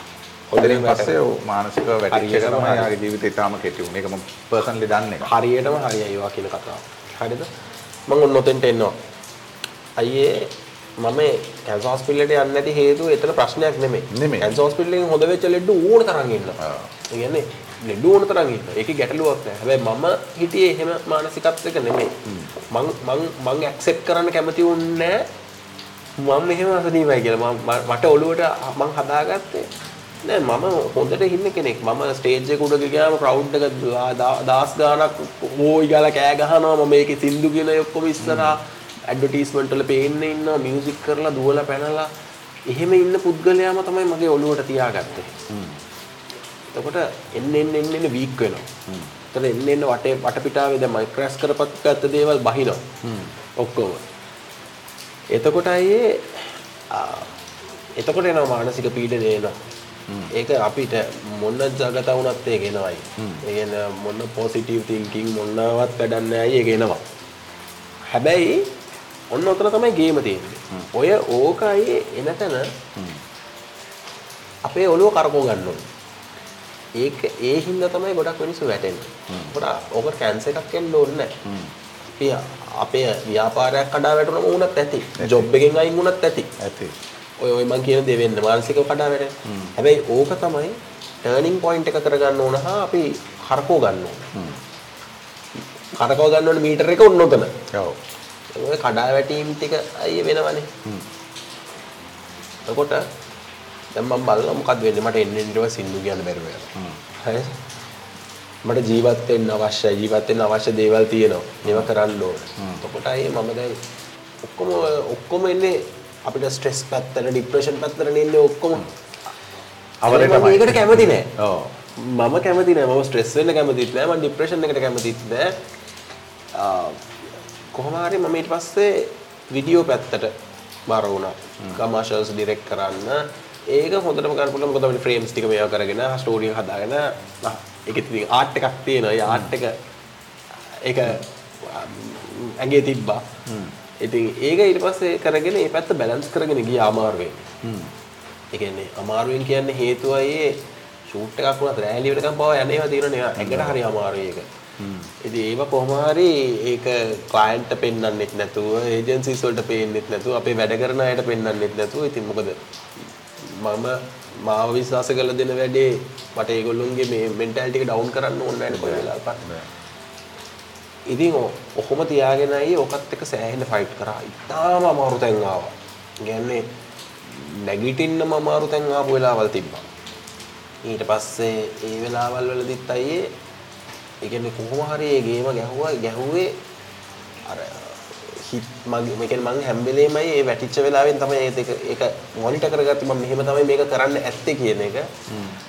මම හැම වෙලාවෙම හිතුවේ මම හොඳට වැඩ කරා මම ආයි ආයි ලබන සතියේ ඉඳන් හරි ලබන මාසේ ඉඳන් හරි ලබන අවුරුද්දේ ඉඳන් හරි ඒ විදිහටම ආයි වැඩ කරන්න ඕන කියන එක. එතකොට මගේ ඔළුවෙන් අයියේ අරක ටික ටික යනවා. තියෙන අමාරුව. මම ඒක අරකෙම ફોකස් එකේ ඉන්නේ මම. මම වැඩ කරන්න ඕනේ ආයි මේක මේක හරියන්නේ මේ මොන මේකක්ද කියන එකේ හිටියේ. අවශ්‍ය ප්‍රතිකාර කරගෙන එහෙම එහෙම හිටියා. එතකොට ඔය පොසිටිව් තින්කින් පැත්ත අර එහෙම ඒව මේවා ඔළුවට වැඩියෙන් එන්නේ අයියේ මට ඔන්න ඔය මේකෙදි. සමහර වෙලාවට අයියේ මගේ Facebook එකේ මම ෆොටෝ එකක් දානවා කෝට් එකක් එක්ක. මොනාරි ජීවිතය ගැන. ඒක දාන්නේ මම වෙන අයට නෙමෙයි මටමයි. මං දැනුත් දාන හැබැයි දැන් මට කිසිම ප්‍රශ්නයක් නැහැ. දැන් දාන්න තව කෙනෙක්ට මෙයා කරගන්න. හැබැයි ඒ කාලේ මම ඒ කෝට්ස් එහෙම දාන්නේ, කියන්නේ මං දාන්නෙම ඉන්ස්පිරේෂනල් කෝට්ස් දාන්නේ අය බලලා මටම මොටිවේට් වෙන්න. මමම මගේ Facebook එක බලනවා, ගිහිල්ලා දාපු ඒවට රියැක්ට් කරලා තියෙන ඒවා බලනවා. මම මොටිවේට් වෙනවා. හරිද? එතකොට මට ඒක නිතර දකිනකොට හැමදාම වගේ එතකොට මට හිතෙනවා නෑ මේකේ ලයිෆ් එකක් තියෙන්න ඕනේ. මම සිස්ටම් එක වෙනස් කරගත්තා. මං කෙටි කාලීන ගෝල්ස් හදාගත්තා. මට ඉස්සර තිබ්බ ලොකු ගෝල්ස් තිබ්බා. අරක කරනවා මේක කරනවා මෙහෙම ඉන්නවා මේ විදිහට දේවල් කරනවා. හැබැයි මම දැන් මම ඉන්න තත්ත්වෙත් එක්ක මං කරේ කෙටි කාලීන ගෝල්ස් හදාගත්තා. මගේ මොනවද දන්නවද තිබ්බ ගෝල්ස්? කොහොම හරි සින්දු කියනවා. මේ කියන්නේ මේ මේ මගේ ක්ෂේත්‍රේ පැත්තෙන්නේ කොහොම හරි කහින් නැතුව ඉන්නවා. ඒ කියන්නේ මට කැස්සක් තිබ්බයි ඒක පටන් ගත්තා මේ ඔක්කොම රිදෙනවා ආ ඒ කැස්ස දෙක දිගට පැය වුණත් කහිනවා. මම මගේ ගෝල්ස් තිබ්බේ මෙන්න මේ ටික නැති කරගන්න. හරිද? ඔයා ඔය කිව්ව මැනිෆෙස්ට් එකයි අරන් බලන් ඔක්කොම ටික ඔන්න ඔතෙන් දිනනවා. ඔයා- ඔයා කිව්ව කතන්දරේ ඔතෙන් දින හේතුව අ, අර ඔයා කියන ඔය යුනිවර්සල් මේක අපි කියන්නේ මොනවද? ලෝ මේ මේ මේ මේ of attraction එක. ඔන්න ඔන්න ඔතනින් තමයි හැදෙන්නේ. ඒක මම of attraction කියලා දැනගෙන නෙමෙයි කරන්නේ. හැබැයි මම කෙටි කාලින ගෝල් හදා ගන්න නෑ මම ඉන්නේ මම දැන් තව ටික දවසෙ ඉන්නේ කැස්සේ ඉවරයි. මට එකපාරට ඔළුවෙන් හදා ගන්න මේ දැන් මේ මේ කැස්සේ ඉන්නේ මොකක් හරි ඇඟ ඇතුලේ තියෙන නිකන් පොඩි ගුලියක් එක්ක වෙන්නේ නැති ඒ ගුලිය එළියට ගියන් පස්සේ මේ කැස්ස නවති. අන්න ඒ වගේ දේවල් මම හදා ගත්තා ඒ කියන්නේ මම මාව සතුටු කරගන්න දේවල්. පුංචි කියලා හිතෙන්න පුළුවන්. හැබැයි ඒක- ලොකු ඉෆෙක්ට් එකක් ඒක. ලොකුයි ඒ කියන්නේ මේ මේ ප්‍රෝග්‍රෑම් එක බලන අසනීප මොනම හරි අනිත් කැන්සර් කියන එක ඇත්තටම දැන් අපි ඔය ඉස්සෙල්ලා කියද්දි කිව්වනේ බය වෙන්න අපි බය වචනේවත් වචනේවත් කියන්න බැරි බය වෙන්න ඕන තව ලෙඩ ඕන තරම් තියෙනවා ඔව්. එහෙම හොඳම ලෙඩක් තමයි දියවැඩියාව ඒ වැඩියව කියන්නේ. මිනිස්සු ඒක ගැන ගානක් නැතුව කියන ආ අපේ මේ මෙයාට දියවැඩියාවනේ අපේ අම්මට දියවැඩියාවනේ ඒ ගානක් නැහැ හැබැයි කැන්සර් කියන බයයි ඔව්. ලිංග පව අප්‍රාණික වෙනවා දියවැඩියාව හරියට නැහැ. ලයිෆ් එකක් නෑනේ ජීවත් වෙලා හිටියට. ඔව් හරිද? හැබැයි කැන්සර් කියන එකට බයයි. එන්නේ එන බයෙන් තමයි ඒ ජීවිතේ කෙටි වෙන්නේ. මිනිස්සුගේ ජීවිතේ කෙටි වෙන්නේ උණක් හැදුනත් මිනිස්සු බයේ ඉන්නවනම් ඒ උණට ඉතින් හොඳම උදාහරණේ කොවිඩ් එක. කොවිඩ් බයට මැරුණේ.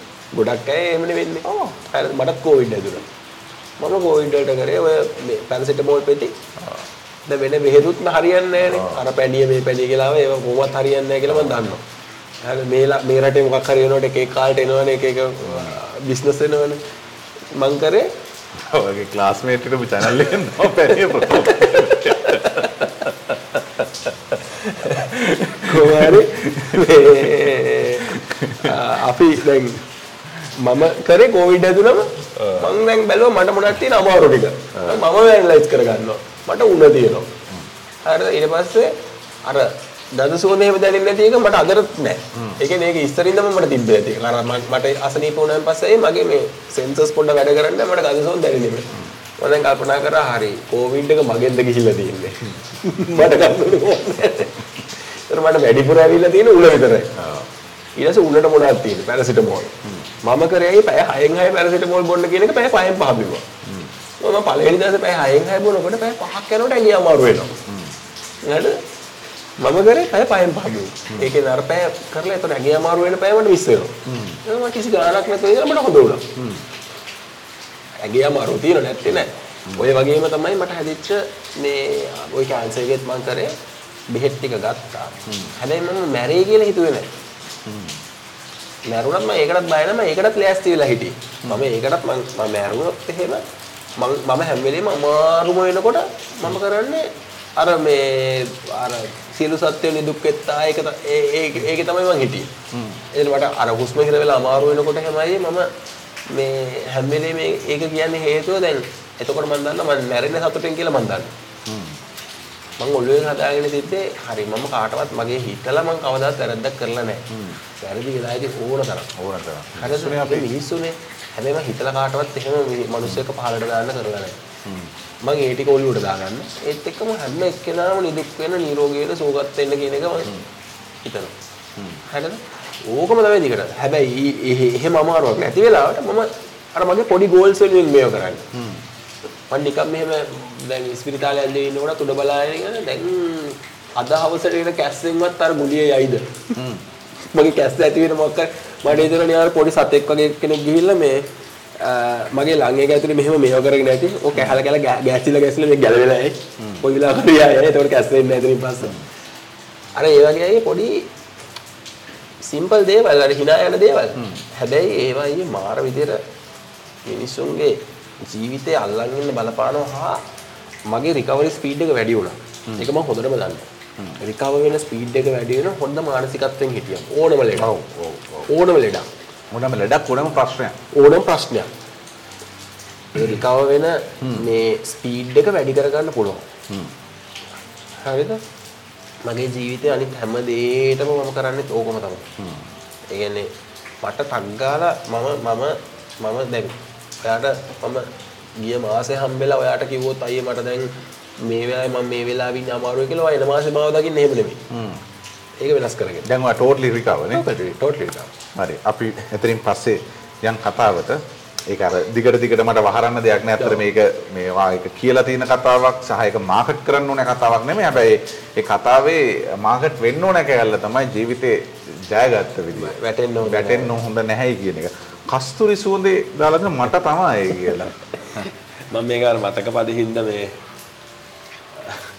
පොඩි අර පොඩි ජොලියක් තියෙන නැතේ ආ. එහෙම මේ අපි කතා කරන්නේ නැත්නම් ෆුල් සීරියස්ව කතා කරලා කරන්නේ ඔය මම කිව්වේ ඉස්සර බාති සන්තෝෂියගේ වැඩ කරනකොට බාති අයියා මට බඩිනවා කියලා. මම කරන මේ සමහර වැඩවලට. ඔය වැඩවලින් එකක් ඔය හරිද? කස්තුරි සුවඳ එක ඕකට බැනුම් ඇහුවේ නෑ බැනුම් අහන් දැන් මේ ප්‍රෝග්‍රෑම් එක බලත් බලලා බණින් දන්නේ නෑ එහෙමද කරේ කියලා ඉස්සරයේ සින්දු ලියන්න අපි දුන්නම කැලුම් අයියට දුකා අයියට නිලාර අයියට අර මේ ඒගොල්ලෝ ඒ සෙට් තමයි වැඩියෙන් ශාන් ගල හිටියා. ඔය ටික තමයි වැඩියෙන්ම අපේ සින්දු ලියුනේ. ආ. දැන් කස්තුරි සුවඳ අපි හැදුවේ ආ, ආසයි මම් පියාමන් ෆිල්ම් එකේ. මේ කරේ මගේ දේක මියුසික් මේව කරා. ඔබ ලියන්න දුන්නා කැලුම් ශ්‍රීමල් අයියට. ඒත් කැලුම් අයියා ඉන්නේ පානදුරේ. ඇලුම් අයියා තමයි එකම මිනිස්සයා ෆැක්ස් එකක් එවන. අනිත් අය ඉතින් ඒ ළඟට ඇවිල්ලා කොලේක ලියලා දීලා යන ඒගොල්ලෝ ළඟ පවට හිටියේ. ඇලුම් අයියාට අපි සින්දුවක් හදිස්සි නම් ඉල්ලගන්නේ ෆෝන් එකේ කෝල් එකේ ලියා ගන්නවා. අර එයා ලියලා ඉවරයි කියලා කිව්වන් පස්සේ ෆැක්ස් කරනකන් ඉන්නේ. මොකද ෆැක්ස් කරන්නේ එයා ඉන්න ගෙදර ඉඳන් ටවුන් එකට යනවා. ටවුන් එකට ඕන. හරිද? ඒසකොට දැන් මම තමයි ඔය සින්දු ටික ලියාගන්නේ. ආ. කස්තුරි සුවඳත් ලිව්වා. කස්තුරි සුවඳගේ සත්තකින් ඔබ සුවඳ විසින්. ඔය. ඊට පස්සේ මට තමයි වසන්තය නම් ඔබ කරා ලං වූ ඇංගිලා හෝ පාව ඉන්නයි මට මම බලන් ඉන්නේ ඔහොම කිව්වා. දැන් ඔක ඔක මේක මෙලඩියට ලියපු එකද කලුම් අයියා? නෑ. ඔව්. ඔක Track එකට මෙ- පස්සේ දැන් ඔක සන්තෝෂයි ඇවිල්ලා වොයිස් කරා උමාර වොයිස් කරා ටික කරලා සින්දු ෆයිනලයිස් කරලා ෆිල්ම් එක යනවා ෆිල්ම් එකේ ප්‍රීමියර් එක. ෆිල්ම් එකේ ප්‍රීමියර් එක දාස වල කැලුම් අයියත් මල් ළඟමයි.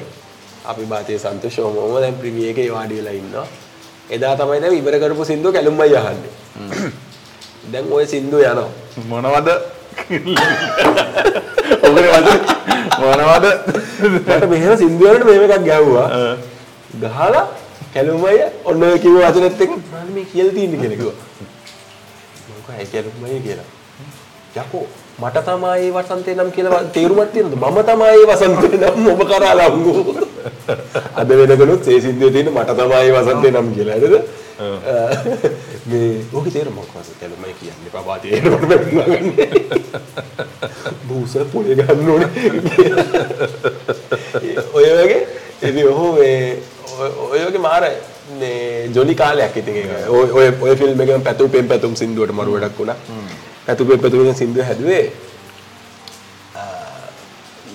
ශ්‍රී ශාමලංගන් ආ, එයා අයියා තමයි ශ්‍රී කොහෙද දැන්? ශ්‍රී ඉන්නේ ඕස්ට්‍රේලියාවල. ඕස්ට්‍රේලියාවේ, ආ. ශ්‍රී කියන්නේ ශා- ශාමලංගන් අය ගැන කියන්න ඕනේ. ශ්‍රී ශාමලංගන් කබාලික් කියලා ආවේ මේ රජිනිකාන්ත්ගේ ෆිල්ම් එකක්. ඒකේ විසිල් එක තමයි ඒකේ තියෙන මේ මේන්ම අර අර ඇක්ට් එනකොට මේ දාන මේන් ටීම් ඒ ඒක පව කම්පෝස් කරලා තියෙන එයා. ශංකර් මහදේවන්ලා එක්ක එහෙම තමයි එයා වැඩ කරන්නේ. ඉතින් ඒතකොට එයා හැදුවා. ඒතර මම ඒකේ බීට්ස් හැදුවා. ඒකේ සින්දුවේ ඒ සින්දුවේ මම ගොඩක් වැඩ කරා. බාති අයියත් හිටියා. ඔහොම ඔහොම කරා. දැන් ඉතින් අපි හවස් වෙලා රෙකෝඩිං එක එහෙම ඉවර වෙලා මමයි ශ්‍රී අයියයි බාති අයියයි ස්ටූඩියෝ එකේ කතා කර කර ඉන්නවා. දැන් ස්ටූඩියෝ එකේ තිබ්බ මේන් ලොකු පුටුවක් තිබ්බා. තව පොඩි පුටුවක් එහා පැත්තෙන් තියෙනවා ඇසිස්ටන්ට් වාඩි වෙන්න. තව ඊට පස්සේ සෝෆා එක තියෙනවා. සෝෆා එකේ බාති අයියා හිටියේ මං අර පොඩි පුටුවේ හිටියේ කම්පියුටර් එකේ ඉස්සරහා ශ්‍රී එහා පැත්තේ. ඉන්න ගයිති මං අපි කතා කරන ගමන් මවුස් එකෙන් එහෙම ක්ලික් කරනවා. ඒට මේට ඩ්‍රැග් ඩ්‍රොප් කරනවා. නිකන් නිකන් ඔහොම ඔහොම තිබ්බා. දැන් ඕක අපි නිකන් මේ වෙන කතාවක් අස්සේ. මේ වෙන වෙවි අපි කතා කරන අස්සේ. දැන් ෆිල්ම් එක රිලීස් වෙන්න සින්දු ටික රිලීස් වෙන දවසට කලින් දවසේ ඔය සින්දු ටික ෆයිනලයිස් කරන්න ඇවිල්ලා තමයි ඔය. ඒ කියන්නේ සින්දුව හෙට මාස්ටර් එක දානවා හෙට තමයි රිලීස් වෙන්නේ. මාස්ටර් එක හදපු දවසේ ඔය. කපාට ශ්‍රීකෝ ඒ පොඩි පොඩි පොඩි ඔහො කිය ඔහො දැන් මේ මට කට්ටු කරලා එහෙන් බෙල්ල දාලා ගත්තා. මේ පළයන් රිසයිකල් බින් එකට කිව්වා. ඔගේ ඇයි කියලා. පළයන් රිසයිකල් බින් එකට. මම හිතුවා රිසයිකල් බින් එකට කියලා. දැන් මොකක්ද ඕකේ තියෙන්නේ?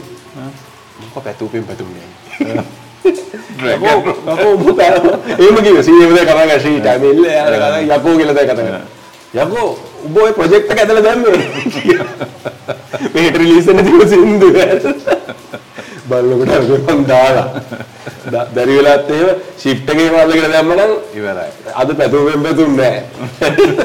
ඔය වගේ තමයි බාදිස බාදය මට බඩිද දැනෙන්නේ ඉතින් ඔය ඔය සින්දු මට මේ මතක් වුණේ පොඩි පොඩි අර රස රස කතා. මතක පදයක්. මං අර අරකෙම තව පොඩි දිගුවකට යන්නම්. ඒ කියන්නේ ඒකත් මං හිතන්නේ මේ මේ මේ සමාජයට පණිවිඩ දෙන වැඩසටහනක් නෙමෙයි මේක.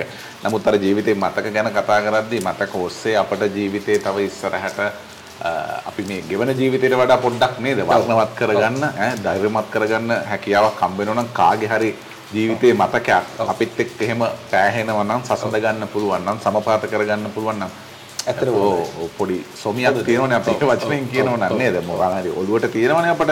ඒක නිසා දැන් ඔය ඔය දැන් ඔය වගේ අසනීපයක් හැදුනහම අපට අපේ තියෙන සිතුවිලි වල ප්‍රබලකමත් එක්ක අපි කතා කරන දහමත් එක්ක හරි මේ විශ්ව ශක්තියත් එක්ක හරි විශ්වයෙන් අපට ලැබෙන ආශිර්වාදයත් එක්ක හරි අපේ ගමන අපට හදාගන්න පුළුවන්.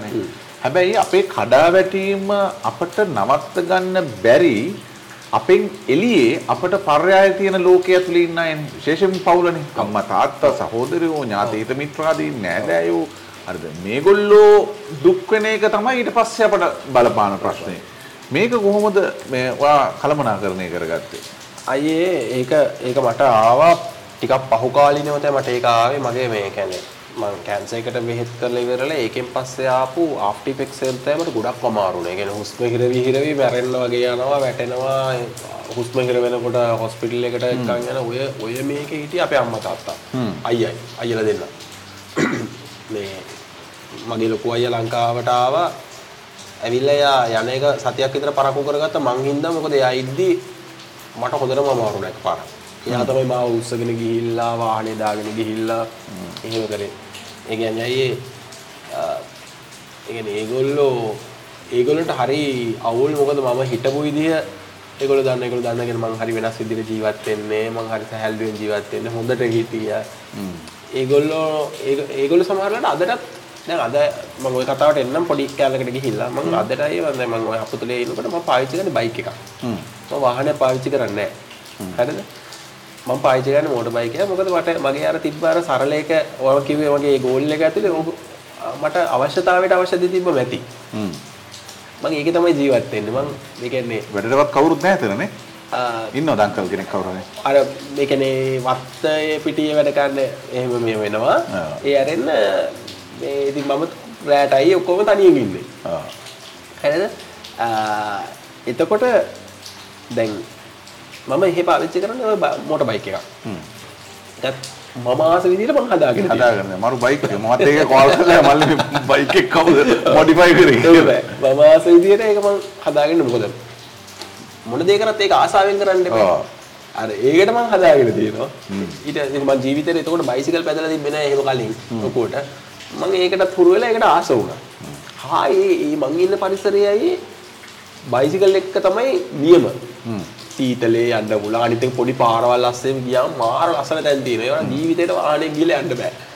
ඉතින් ඒ ඒ ඒ- හින්දා ෆොටෝස් එහෙම අර ඉන්ස්ටාග්‍රෑම් එකේ ඔව්. දානවා වීඩියෝස් ඔව්, ෆොටෝස් එහෙම. දාලා මේ ඉතින් මේ අර මම ජීවත් වෙන්නේ අයියේ අර එහෙම එහෙම එකක ඒ වුණාට දැන් අපේ අම්මලා තාත්තලා අදටත් කියන්නේ අයියෝ බයිසිකලයක් පැදගෙන ඔහොම ඉන්නවා ඔහොම ඉන්න ඕන කෙනෙක් නෙමෙයිනේ.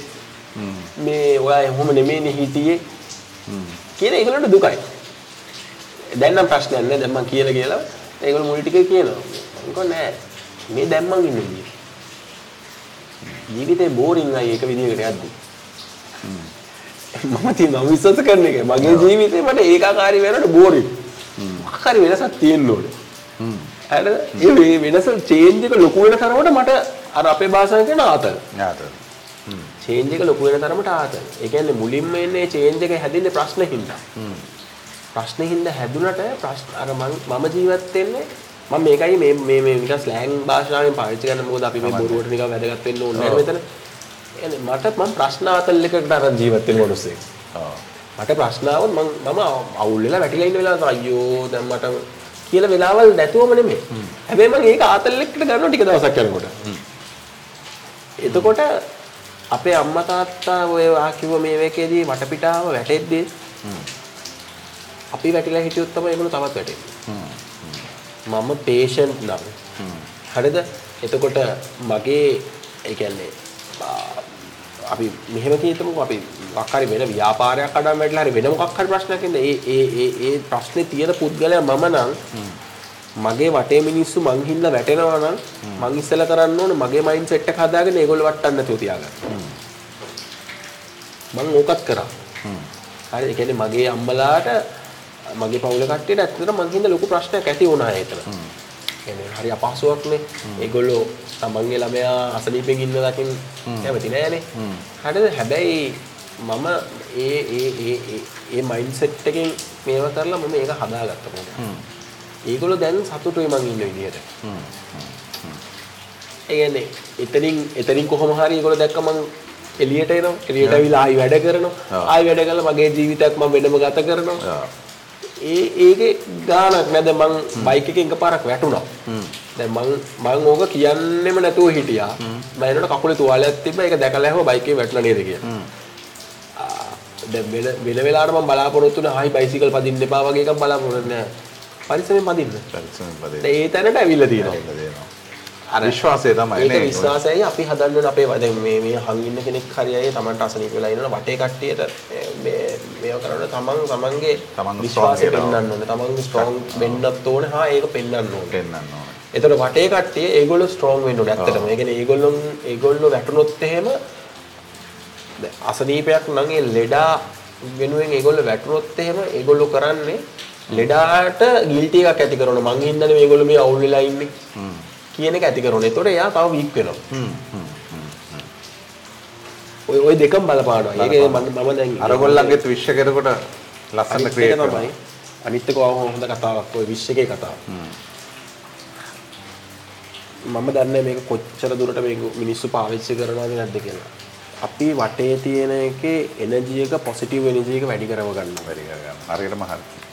මම කරේ මගේ පොසිටිව් විශ්වාස කරනවා. මං කරේ මොකක්ද දන්නවද අයියේ මම මුලින් නම් කරේ මගේ වටේ පොසිටිව් එනර්ජි එක වැඩි කරගත්තා. හරිද?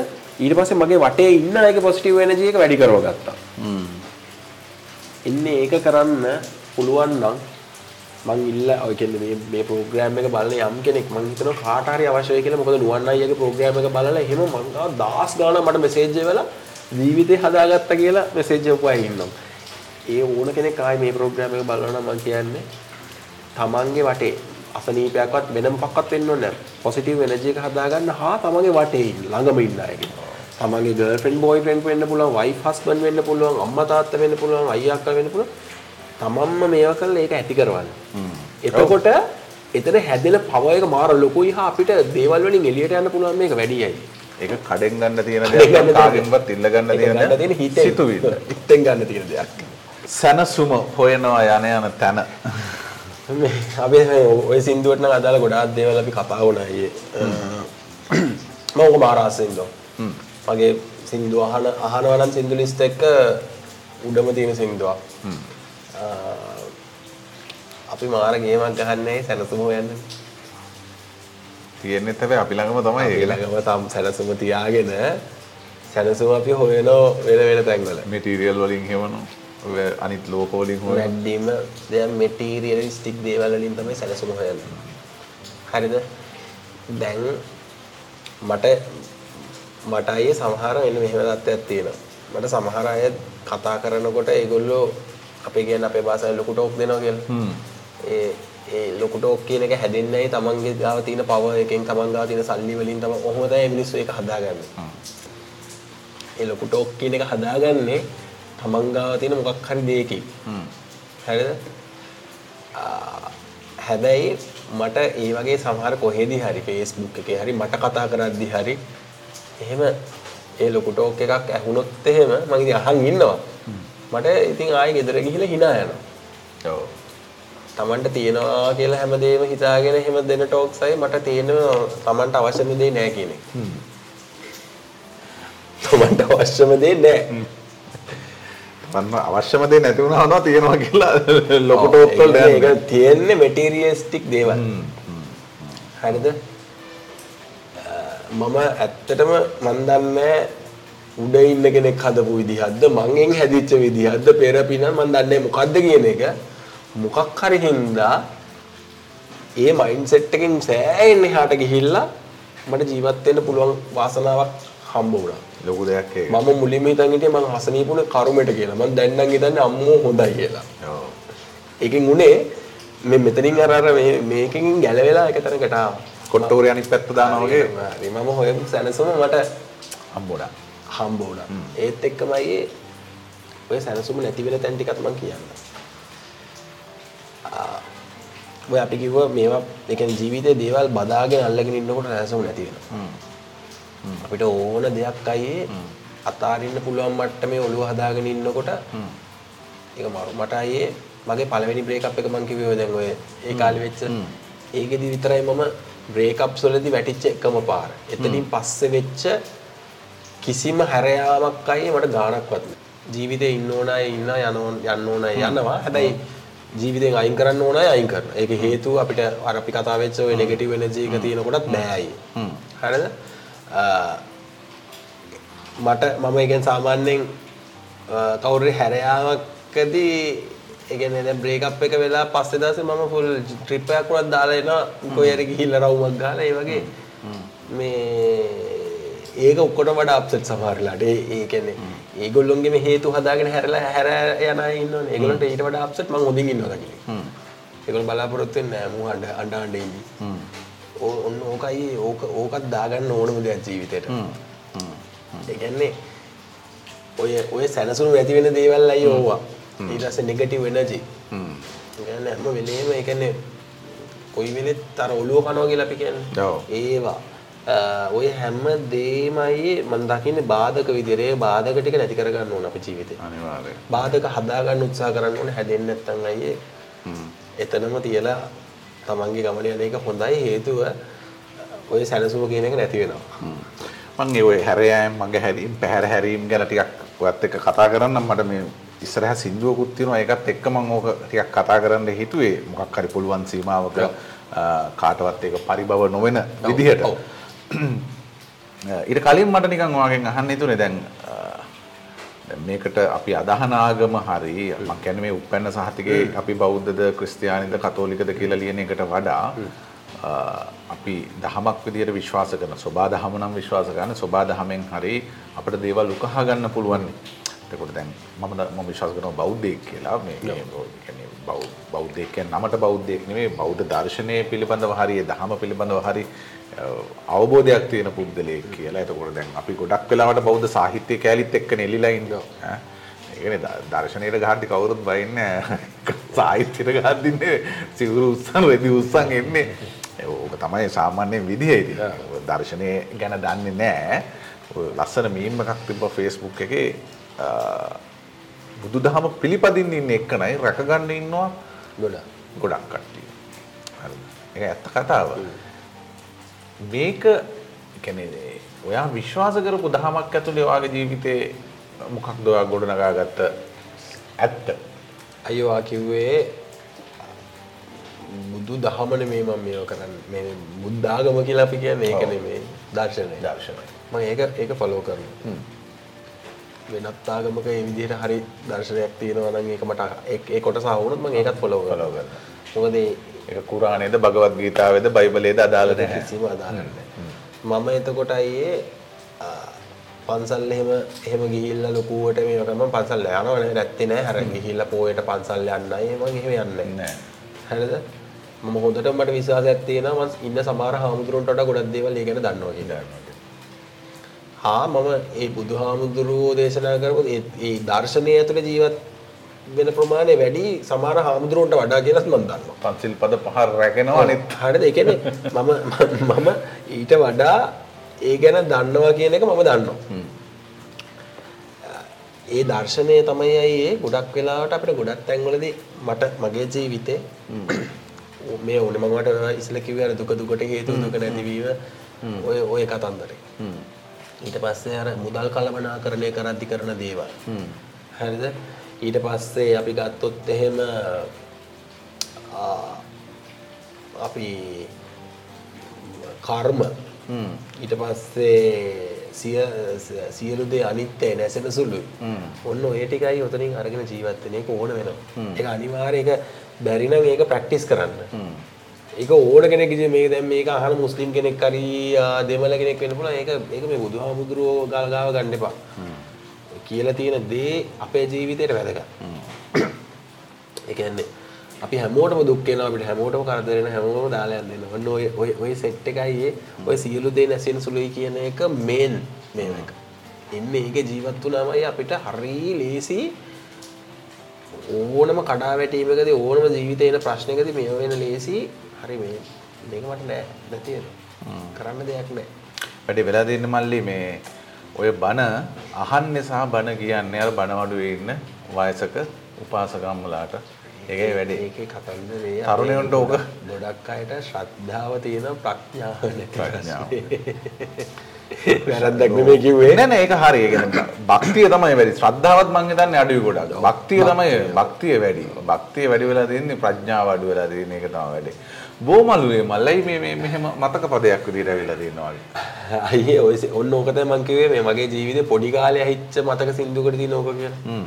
ওই සින්දුවට මං හරි බයයි ඉස්සර. චූටි කාලේ අපේ තාත්තා හැම ඕක ප්ලේ කරනවා. මං දන්නේ ওই සින්දුවට බයයි මං. මොකක් හරි ඉතින් හැබැයි ඒ කාලේ තේරුම දන්නේ නැහැ. හැබැයි මම කැමති සින්දුවක්. මම බයයි කියලා දන්නෙත් නෑ මට ඕක ඉස්සර අහනකොට නිකන් මොකක් හරි එකක ගිහිල්ලා තනි වෙනවා වගේ නිකන් මොකක් හරි අමුතු ෆීලිං එකක් මම දන්නේ කියන්න මට තේරෙන්නේ අදටත් හැබැයි ඔය ඕක ඔය ඔය එනකොට එනකොට එනකොටයි අපි ජීවිතේ තේරුම් ගන්නකොට දේවල් ජීවිතේ එනකොට මට එක තැනකදී අයියේ මේ ටික ඔක්කොම අතහැරලා දාලා මහාන වෙන්න යන්න හිතෙනවා. හරිද දැන් ඔයා ඔය අර ඉස්සෙල්ලා කිව්ව කතාවකට මම එනවා. මට හිතෙනවා මහාන වෙන්න යන්න. ඒත් මට ග්‍රාමවාසී හාමුදුරුවෝ කෙනෙක් නෙමෙයි වෙන්න ඕනේ ආරණ්‍ය වාසී. මම ආරණ්‍ය වලට නිතරම යනවා ඉස්සර. ආරණ්‍ය වාසී හාමුදුරුවෝ කෙනෙක් කතා කරද්දී අපිට තියා වෙන දේවල් උන්වහන්සේලා ඉතින් සීල වෘද්ධ, තප හරි නේද? අමාරුයි හම්බෙලා කතා කරන්නේ. මට හම්බ වෙනවා මන් දන්නේ ඇයි කියලා. මට ආරණ්‍ය වාසී හාමුදුරුවෝ නිතර හම්බ වෙනවා මම ওই ඇවිදින හින්දා දුර කැලෑවල් වල අර මේ දුර යනවා හින්දා මට හම්බ වෙනවා මන් දන්නේ ඒක ප්ලෑන් කරලා එන එකක්ද ඒ වෙන එකක්ද කෙනෙක්. ජීවිතේ ප්ලෑන්ස් හැදෙනවනේ. එහෙම එකක්ද කියලාවත් මන් දන්නේ. මට නිතරම හම්බ වෙනවා. ඉතින් මට මේ මාරම උමනාවක් තී තියෙනවා කියලා දෙක කියන්නේ. තීබ්බල් කියලාද කියන්නේ. මම දන්නේ තාමත් තියෙනවද කියලා. ඔව්. මොකක් හරි ඉස්සරහට බලන්න පුළුවන්. ආ, ඔය ඔය ඊට පස්සේ මම ඕක ගැන කල්පනා කරනවා ඔන්න ඔතනදී මම එනවා මම මම එහෙම තැනකදී දැන් ඉන්නේ කියලා. මම එතෙන්ට යන සුදුසුද කියලා. අංක එක දැන් සමහර අපි හාමුදුරුවෝ කියලා දකින අපි දකින සමාජ මාධ්‍යෙන් දකින අයගේ වෙන දේවල් එක්ක දැක්කම එතන පොඩි කලකිරීමක් තියෙනවා. ඒ හැබැයි මං හිතන හාමුදුරුවෝ ඒක නෙමෙයි. හ්ම්. ආරණ්‍ය වාසිටිය වෙන කතන්දරයක්. හ්ම්. මම හිතන් හිටියා මේ ඔක්කොම ඇවිල්ලා ජීවිතේ කඩා වැටිලා ජීවිතේ මේව කරගත්තාන් පස්සේ මට හැමදේම අවබෝධ වෙලා තියෙන්නේ දැන් තමයි කාලේ කියලා හිතුණා. හැබැයි ඒක ළඟ ළඟ ඒ කියන්නේ ඒක ඔන්න මෙන්න මේ දැන් මං හෙට යනවා කියලා තැනදී මට ආයි එනවා. නෑ මං සුදුසු නෑ ඒකට කියලා. හේතුව මම හිතන්නේ අපි ඉතා හොඳින් ඉන්න තැනකදී තමයි යන්න ඕනේ එතනට. හරියටම හරි. මම ඒක අර කලින් අවස්ථාවේ ක්ලයිමැක්ස් එකේ තමයි එතෙන්ද යන්නේ. ක්ලයිමැක්ස් එකේදී යන්න ඕනේ ඉතාම හොඳින් ඉන්න අවස්ථාවක තමයි යන්න ඕනයි අවබෝධ වුණා කියලා හිතලා ගියාට වැඩක් නැහැ. මම දැන් ඉන්නෙත් ඒ අවබෝධයෙන් තමයි. හැබැයි මේක නෙමෙයි මට සුදුසු වෙලාව කියලා මම හිතන්නේ. හ්ම්. හ්ම්. මම මේ පීක් එකට ඇවිල්ලා සමහර වෙලාවට එතනින් අතාරින්න ඉඩ තියෙනවා. ඔව්. මම දන්නේ නැහැ ඒක එහෙම වෙයිද නැද්ද කියන එක දන්නේ නැහැ. ඒ කාලේට මොනා ජීවිතේ මොනවාද වෙන්නේ කියන එක. මට ඒ කියන්නේ අපි අර හැම වෙලේම දැන් ඔය සමහර දැන් හිස්සරත් කියලා තියෙන මේ කවුරු බ්‍රේක් අප් වෙනකොට එම අර කියන්නේ මං ගිහින් බහන වෙනවා. ඒ වෙලාවට එන මේවත් එක්කනේ ඒ කියන්නේ ජීවිතේ ප්‍රශ්න එන තැන නෙමෙයි සුදුසු වෙන බහන වෙන්නේ. ඒ ජීවිතේ ප්‍රශ්න ඔක්කොම තේරුම් අරන් ඒ ටික අතහැරෙන තැන තමයි මහාන වෙන සුදුසු තැන කියලා මම හිතන් ඉන්නේ. අවබෝධ කර ගැනීම. ඇතුළේ අවබෝධය. හරියටම. හරි. අවබෝධය ඇතුලේ තමයි සසුනට යනවා නම් යන්න ඕනේ. ඕ ඉතින් ඔය සින්දුව මම ඉස්සර ඒ අහපු එක මම අදටත් අහනවා මේක කියවෙන්නේ තාම කිසිම තේරුමක් නැතුව මේ ඉන්න දරුවෙක් මේ මහාන වෙච්ච එකක් ගැන. ඒ කියන්නේ මේ ගැන කිසිම අවබෝධයක් නැතුව. මම මේ දැන් ඔය බ්‍රේක්අප්ස් ගැන හැරයාම් ගැන පැහැර හැරීම් ගැන කතා කරපු නිසා ඒක හැරයාම කියනකොටත් වඩා ඒ අහිමිවීම කොහොමද මේ ජීවිතේ දරාගත්තේ දැන් ඒ කාලේ හිතිච්ච එකයි දැන් හිතෙන එකයි දෙකක්. දෙක මම කැමති දැන් හිතන එකෙන් කතා? කරන්න ඒ කාලේ දැන් ඒ කාලේ එකපාරට වුණාම හිතෙනවා අයියෝ මං මෙච්චර අමාරු කාලේ යනවද එහෙම එකක් හිතෙන්න පුළුවන්. හැබැයි දැන් හිතෙන්නේ එහෙම අල්ලන් ඉන්න ඕනේ නෑ. නෑ, ඒ කියන්නේ මිනිස්සුන්ගේ ජීවිතේ ලස්සන කරගන්න ඕන කියලා මං හිතන්නේ. අර එතකොට ඒ කාලේ මගේ තිබිලා තියෙන නෙගටිව් පැත්තක් නෑයි. ඒ නෙගටිව් එකේ ජීවත් වෙන්න අවශ්‍ය නෑ.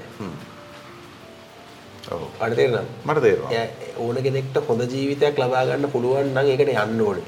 ඒ කියන්නේ ඒ කියන්නේ එතනින් එතනින් කැඩිලා ගියාට ප්‍රශ්නයක්. නෑ ඒ- ඒකේ කිසි වැරද්දක් නැහැ. අපි මිනිස්සු අපිට මිනිස්සුන්ට අයියේ එක එක එක එක එක එක දේවල් හිතෙන්න පුළුවන් එක දේවල් වෙන්න පුළුවන් එක එක ඒ කියන්නේ ඒ කියන්නේ යම් මොන යම් දෙයකවත් හිර වෙලා ඉන්න හොඳ නැහැ කියලා තමයි මම හිතන්නේ. මම හිතන්නේ මිනිස්සු කියන જાතිය ෆ්‍රී එකේ ජීවත් වෙන්න ඕනයි. තමන්ට? අවශ්‍ය ඒක දරා ගැනීමයි මට ඇත්තට මේ වෙලාවේ ලොකු අවුලක් තිබ්බේ නෑ බොරු කියන්න ඕනේ නෑ මොකද මම කිව්වනේ අර හැරයාම් මට එහෙම ලොකු ප්‍රශ්නයක් නෙවෙයි ආ, මම අදට කියන්නේ මේ දැන් අද වෙනකොට කියන්නේ ඒක එහෙම කරපු එක හොඳයි. මොකද මිනිසුන්ගේ ජීවිතේ හොඳ වෙන්න ඕනේ හැමෝගෙම. ඒක මේ මම කට්ටක් කාලා මම ගිහිල්ලා මම ජීවිතේ ජය ගන්න එක නෙමෙයි මාත් එක්ක යනගෙනත් ඒක ජය ගන්න ඕනේ.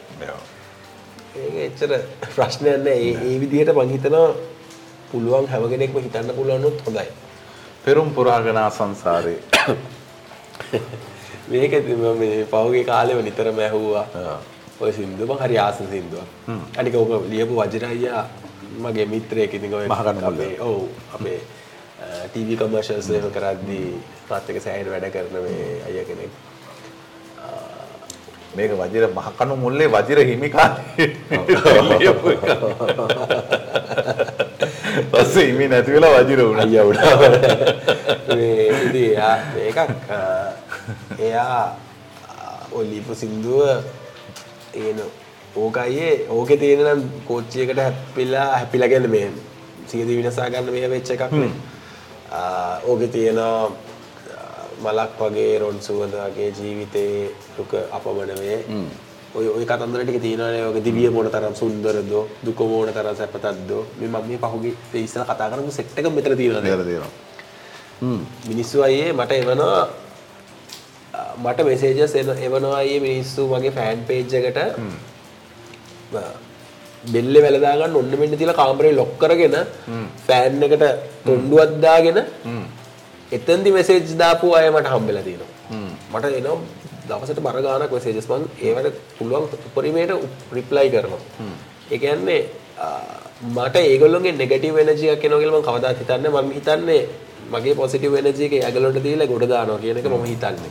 එහෙම ගොඩ ගිය අය ඉන්නවා සෑහෙන්න අය මම හිතන්නේ එහෙම සෑහෙන පිරිසක් වෙන්නේ නැති මටත් මෙසේජ් කරලා තිබ්බේ මේ සචිත්ව ගෙන්නන්න මේක. එයා ડોක්ටර් කෙනෙක් වගේ එයා කන්සල් කරනවා මේ මේමයි මේමයි මේමයි. දැන් මම ඔය කතාව දන්න නිසා සහ නුවන්ගෙන් මම එකපාරක් මම හිතන්නේ ඔය සේවා නුවන් ප්‍රෝග්‍රෑම් එක කරාට පස්සේ මම හිතන්නේ ඇහුවද මට මතක නැහැ හරියටම ඇහුවද හරිම නිච්චයක් නෙනවුවක් නැහැ. මම හිතන්නේ මම අහන්න නැති මේ මොකද්ද බං වෙලා තියෙන්නේ කියලා නිකන් මම අහන්න. ඊට පස්සේ හරි වෙන කාගෙන් හරි මට ඇහුණා. මං ඔයාගෙන් අහන්න කියලා මං ඔයාගෙන් ආවා මගේ බයික් එක හැදුවේ කොහෙන්ද? ඔයා ඉන්නේ කොහෙද කියලා විතරයි. මේ මොකද ඒක ආය ආය ආය ආය අපි වහරන්න ඕන. මම ඔයාලගේ හොඳ මම මේ ওই කතාවට අපි යන්න කලින් මම හොඳ මොටිවේෂන් එකක් දෙන්නද? මේ මේ මගේ කොයි හරි දන්නේ පේන්නේ ફોකස් වෙලා තියෙන මේ කැමරා එකේ. මම මේකත් ඒ ගානින් පෙන්වන්න. අපි බලමු මේ මේකේ ක්ලෝස් අප් එකක් ක්ලෝස් අප් එකක් ගන්න පුළුවන් නේද? පේනවනේ. මෙන්න මේ ෆොටෝ එක. මෙන්න මේ ෆොටෝ එකෙන් තමයි නුවන් අයියාගේ මගේ නුවන් ගම්මන්පිල අයියාගේ මගේ ඉන්ටර්විව් එක යන්නේ. ඔය ෆොටෝ එක දැකලා එයා මේ මට කතා කරලා අපි ඒක කතා වුණේ මෙහෙමයි. මේක දුක කියන කතාවක්වත් දුක මාකට් කරන කතාවක් විදිහට නෙමෙයි කියන එකත් එක්ක ඇග්‍රී වුණා අපි දෙන්නම. මේක කාට හරි ජීවිතේ ගොඩ යන්න මොටිවේෂන් එකක් වෙන විදිහේ දෙයක් කතා බහක් යන් අපි ඒක වැදගත්තේ කියලා. ඔන්න ඔහොම තමයි හරි. මම මේක පෙන්වන්න හේතුව ඒ හිටපු විදිය මේ දැන් ඉන්න විදිහේ සෑහෙන මේක මේ මේ මේ මේ தත්තෙට මේ தත්තෙත් නෙමෙයි මම තව මේ බඩ එහෙම සික්ස් පැක් එහෙම හදා ගන්න ඕනේ. දැන් ඒක මගේ එක වේරයක් පොඩි. හරිද? ඒ කියන්නේ ඒ හින්දා ඔය ඕක- ඔය ඒක දුන්නේ පොඩි මොටිවේෂන් එකකට මේ ජීවිතේ වෙනස් කරගන්න පුළුවන් කියන එක පෙන්වන්න. ඔන්න ඔය தත්ත තමයි මම හිටියේ. අයේ ඔය මට එවන මෙසේජස් වල ඒ කියන්නේ මේ ෆෑන් එකේ රොන්ඩුව දාලා මේව කරගන්න ඔන්න මෙන්න තියලා එවු මෙසේජස් තියෙනවා. මම ඒකට ටක් ගාලා ෆෝන් නම්බර ගිහලා කෝල් කරලා තියෙනවා. එතකොට ඒ අය එකයි මම පැයක් විතර කතා කරපු අවස්ථා තියෙනවා ඒගොල්ලන්ගේ තියෙන මොනාම හරි ප්‍රශ්නයක් හින්දායි මේ එක්කෝ බ්‍රේකප් එකක් හස්බන්ඩ් වයිෆ් ඩිවෝර්ස් වෙච්ච එකක් එක්කෝ නැත්තම් සල්ලි නත්තටම හිර වෙලා එහෙම එකක් ඉතින් මම කතා කරලා කතා කරලා කතා කරලා කතා කරලා මේක ගොඩ දාලා තියෙනවා. එතනින් පස්සේ මාර ලස්සන ජීවිතයක් ගත කළා මට දැන් මෙසේජ් එවනවා ආයි අයියේ මම දැන් මෙහෙම හොන් මෙහෙම කරනවා අයියා හින්දා තමයි මෙහෙම මෙහෙම මගේ හින්දා වෙන්න ඕනේ. ඒක ඕන කෙනෙක්ගේ ඇතුලේ තියෙන එනර්ජි එකක් අයියේ. මේ එනර්ජි එක දකින්න තාක්කල් අපි වැටෙනවා. ඔය ડિප්‍රෙෂන් එකට යනවා. හරිද? ඉතින් මම මේ ඔය සින්දුව මම නිතරම අහන්නෙත් ඕක හින්දා මේ දිවිය මොන තරම් සුන්දරද ඔන්න ඔය කෑල්ල හින්දා තමයි වැඩියම. දුකම කොයි තරම් සතුටක්ද කියන. ඔයා මේ මේ මේ සබාදහමත් එක්ක තියෙන සම්බන්ධය සහ මේ ලෝක සිතීම කියන සින්දුව තෝරගත්ත මේ මේ මේ නෑ ඕකේ මම ඕක හරි ආසයි මෙතුන්ගේ දරිත්‍රීගේ. ඕකේ ස්වභාවයටත් වඩා ඕකේ තියෙන වචන ටිකේ පොඩි එකක් තියෙනවා. වර්ගයා නසාගෙන ස්වර්ගයා හොයා යන මුර්ගයන් ඉන්න ලෝකෙක සොයනවා අපි වසන්තය. වර්ගයා නසාගෙන ස්වර්ගය හොයා යන. ඉන්න අය කපාගෙන තමයි මේ ස්වර්ගය හොයන්න යන්නේ. හරිද? මුර්ගයන් ඉන්න ලෝකෙක සොයනවා අපි වසන්තය. අපිත් වසන්තය හොයන්නේ මේ වගේ වටේ මේ ඉන්න සත්තු ටිකක් එක්ක කියන එක වගේ තමයි. අපි ඒකයි මොන ක්ෂේත්‍රේ වුණත් මොන තැන වුණත් මොන ඉස්කෝලේ වුණත් මොකේ වුණත් ඒක සාමාන්‍යම දෙයක් නේ. කියන්නේ අනිත් මනුස්සයා පාගල කපලා ඉහළට යන්න හදන කට්ටිය සතුට ඔය අර ඉස්සර කතා කරමු සැනසුම හොයන්න යන කට්ටිය ඒගොල්ලෝ සැනසුම හොයන අමනුස්සයට ගිනි ගෙඩියක් දීලා. ඉතින් එහෙමයි නහම් වෙන්නේ. ඉතින් ඔය ඔය සින්දු ඔය සින්දු අනිත් එක ඒගොල්ලෝ වීඩියෝ එකක් කරලා තියෙන full අර travel travel කතන්දරයි. ඉතින් මම නිතරම travel කරන හින්දා මගේ ඒක ටිකක් හිතට වැදුනා. ආ ඔන්න ඔය වචන ඊට පස්සේ තියෙනවා ඕකේ මල් නෙලාගෙන තුට්ටු දෙක තුන සොයනවා රෑ කෑම වේමට. ඒ කියන්නේ මල් කඩන කට්ටිය පොඩි ගාණක් හොයන රෑ කෑම වෙලා. පහු කරන් යන වන්දනා නඩ සොයනවාසු ආධ්‍යාත්මික. මේගොල්ලෝ අර කෑම වේලට හොයන මල් එක ගෙනිලා පූජා කරලා තමයි මේගොල්ලෝ ආධ්‍යාත්මික සෝය හොයන්නේ. මම ඕක ඇස් දෙකෙන්ම දැක්කා රුවන්වැලි සෑය ගාව අර දියදොරළිය මල් පිපිලා තියෙන වැවක බැහැගෙන එක්කෙනෙක් මේ මගේ TikTok එක සචිත් පීරිස් official TikTok එකේ තියෙන ඒ වීඩියෝ එක මම දාලා තියෙනවා. බැහැගෙන එක මිනිස්සෙක් අර දියදොරළිය මල් කඩනවා. ඒතර ඕකේ කමෙන්ට්ස් දාලා තිබ්බා මගේ මගේ Facebook එකේද මට මතක නෑ. කමෙන්ට්ස් දාලා තිබ්බා මේ මම අපේ රටේ මිනිස්සු මේ මේ මේ සෝෂල් මීඩියා හසුරුවන විදිහ මම කියන්නම් හරිද? මේ අයියෝ මුන් මේක ඇදුවට හෙන ගඩ මුටියල් 200කට විතර දෙන්නේ වගේ නිකන් එහෙම කමෙන්ට්ස් මම දැක්කා. ඉතින් අපේ කාට භාෂණේ පොඩි අවුලක් තියෙනවා සෝෂල් මීඩියා. ඒ ඒ හැබැයි මම නම් කියන්නේ රුපියල් 200ක් මදි ඒ මහන්සිය. ඒ මල් මිටිය. හේතුව අයියේ මෙතෙන්ට එනකම් වතුර තියෙන මේවැකක මඩක වතුරේ බැහැගෙන බැහැගෙන බැහැගෙන ඈතට ඈතට යනවා. ඕක ගිහිල්ලා අයියේ එරෙන්න පුළුවන්. එරිලා මැරෙන්න පුළුවන්. හිර වෙලා. ඊට පස්සේ යට කකුල් කැපෙන්න පුළුවන් බෝතල් කටු තියෙනවා. ඔය ඔය ඕවා ගැන හිතන්නේ ඔව්. අනද ඉතින් අර එහෙම එහෙම මේකක් තියෙනවා. ඊට පස්සේ ඕකේ හොඳම එකක් තියෙනවා මොකද්ද ඕකේ තියෙනවා අයියේ සින්දුවේ මේ ප්‍රාන්තයේ ඇති වේදනාවට අනන්තයේ දුක දුර යන්නේ මොකටද කියලා අහනවා. ප්‍රාන්තයේ ඇති කවුද වේදනාව- වචන? මෙතුන් මෙතුන් ආ, මෙතුන්. හරිද ප්‍රාන්තයේ ඇති වේදනාවට අනන්තයේ දුර යන්නේ මොකටද වසන්තයේ අර මල් පිපී ඇත නිරන්තරයෙන් දුක් වේදනාව කියලා අහලා තියෙනවා. එයා ප්‍රාන්තය කියලා කියන මදන්න අපේ අපේ ඇතුලේ තියෙන එක තමයි යා ප්‍රාන්තය කියන්නේ. ඒකට අනන්ත දුර යන්නේ. අපේ ඒ කියන්නේ අපේ සැනසීම දින අපි ගාවමයි. ඔව් මේක හරි ඉතින් හරියට හරිනේ. හරිම කතාව මේක සින්දුවකට එහා ගිහිල්ලා තියෙනවා. ඒ කියන්නේ මේ ට්‍රැවල් කතන්දරයක් නෙවෙයි මෙතන මම මේ ඔය සින්දුව ආස හේතුව. ඒ මෙතුන් හරි ලස්සනට ඒක ලියලා තියෙනවා. හරිද? එන්නේ අපේ අපි අවබෝධ කරගන්න ඕන ධර්මය මේක ඇතුලේ තියෙනවා. අපේ ඇතුලේ ප්‍රශ්න වලට අපිම තමයි විසඳුමයි. ඉතින්ට යන්න ඕනේ.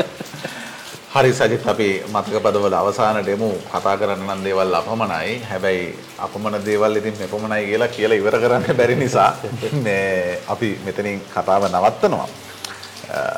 මියුසික් ඉන්ඩස්ට්‍රි එකේ ඉද්දි තමයි සචිත්ත මට හම්බෙන්නේ හැබැයි දැන් ඒ හම්බෙච්ච සචිත් අ, මං හිතන්නේ අපට වඩා දියුණු තැනක ඉන්නවා. මං කියන්නේ මූල්‍යමය වශයෙන් තියෙන හරි භෞතික වශයෙන් තියෙන දේවල් වල හරි ඒ තියෙන දියුණුභාවය නෙමෙයි මං හිතන්නේ හිතින් එහෙම නැත්නම් සිතුවිල්ලෙන් සිතුවිලි රටාවකින් එහෙම ගත්තාම තමන්ගේ හැඟීමෙන් දැනීමෙන් මේ හැමතැනකින්ම උඩට ගිහිල්ලා තියෙනවා. ඉතින් මට උවමනාව තිබෙත් ඇත්තටම ඒ ටික කොහොමද මතක පද හරහා ගේන්නේ කියන එක මේ ඒක අපි අ, අපිට මේ තියෙන ලැ- ලැබෙන ඉඩ අතරේ පුළුවන් තරම් කරා මේක මම අර නැවත නැවතත් කියන වැඩසටහන අවසානයේ මම කවදාවත් ඒ ඉල්ලලා නැහැ මේක බලන්න මේක subscribe කරන්න කියලා.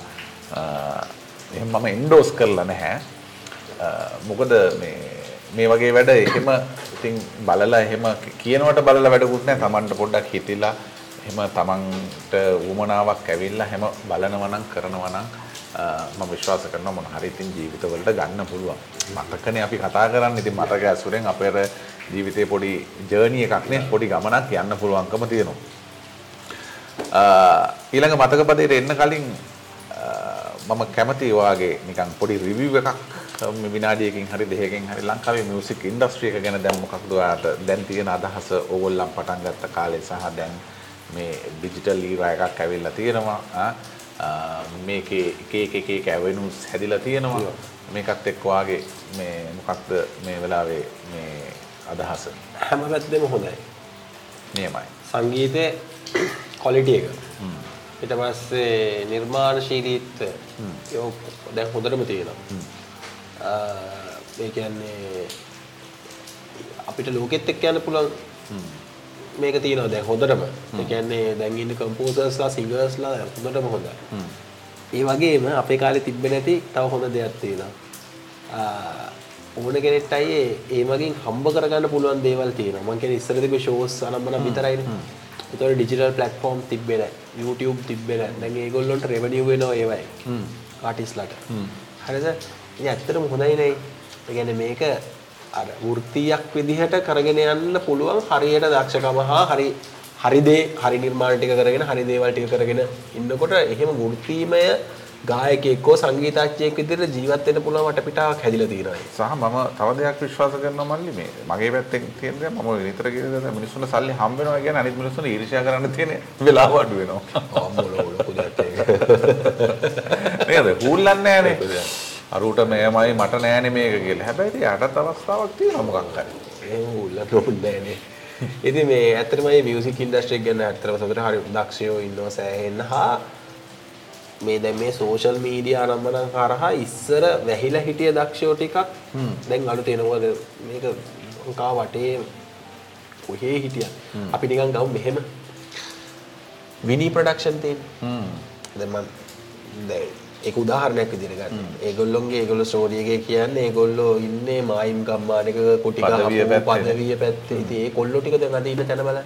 ඒ වෙන්නේ මේ මේ විකාශනයේ ඉන්නේ මේකේ. මාර ලොකු එක සිංගර්ස්ලා ඉන්නවා එහෙම ආපෝ එහෙම- එහෙමයි ඒ ඉස්සර මාර කට්ටක් කන්න. ඉස්සර කොළඹ ඉන්න මිනිස්සුන්ටවත් ලේසි නෑ. මේක ඇතුලේ දෙයක් කරගන්න. ඒ වගේ මේක පොදු වැසිකිළිය කරගත්ත අයත් ඉන්නවා. ඔව් එහෙමත් ඉතින් ඉන්නවා මෙහෙම ඕන දෙයක හොඳ පැත්ත. ඕක වෙන්නේ ඉතින් හොඳ ටික විතරක් අරගත්තම ඇති කියලා මම කියන්නේ දැන්. ඔව්, බලන්න අවශ්‍යව දැන් මම එහෙම නිවුස් එහෙම බලන්නේ නැහැ. ඔය නිවුස් එකේ උනාට වඩා හොඳ මේක. හරිද? මම මගේ ෆේ අර ඔය කට්ටිය ඉන්න මේ මේ ඔය දැන් තරුණ අපේ වයස්වල අර මේ කට්ටිය ඉන්න WhatsApp group එකකවත් ඔක්කොම හයිඩ් මියුට් කරලා තියෙනවා. අනවශ්‍ය වෙන්නේ අරයාගේ ලීක් වුණා මේ මම කියන්නේ අපි සමාජයේ ආසාව. මට ඒව බලන්න ආසාවක්වත් නැහැ මට ඕනත් නැහැ තව කෙනෙක්ගේ උපදුක. දැන් ඒ- ඒ- ඒකයි මම කියන්නේ ඕකේ ඕකේ හොඳ දේවල් ටික තියෙනවා ඒ ටික අරගෙන අනිත් ටික ඉග්නෝර් කරලා හිටියම හොඳයි. හොඳයි. ප්‍රන්තාලිය වලඟ අවසාන මතක පදේ. බහ මේ මේ සින්දුවට හරි ආසයි. ඕක තෝරගන්න හේතු දෙකක් තියෙනවා. එකක් මේ මේ දවස්වල චාමරයි ආයි පොඩ්ඩක් එකපාරට ආර ෂෝ එකකින් ෂෝ වුණා. ඔව්. ඒක මාරයි. ඒනේ මම ඒ කියන්නේ චාමර වීරසිංහ කියන්නේ මම මාර කැමති ගායකයෙක්. හරිද?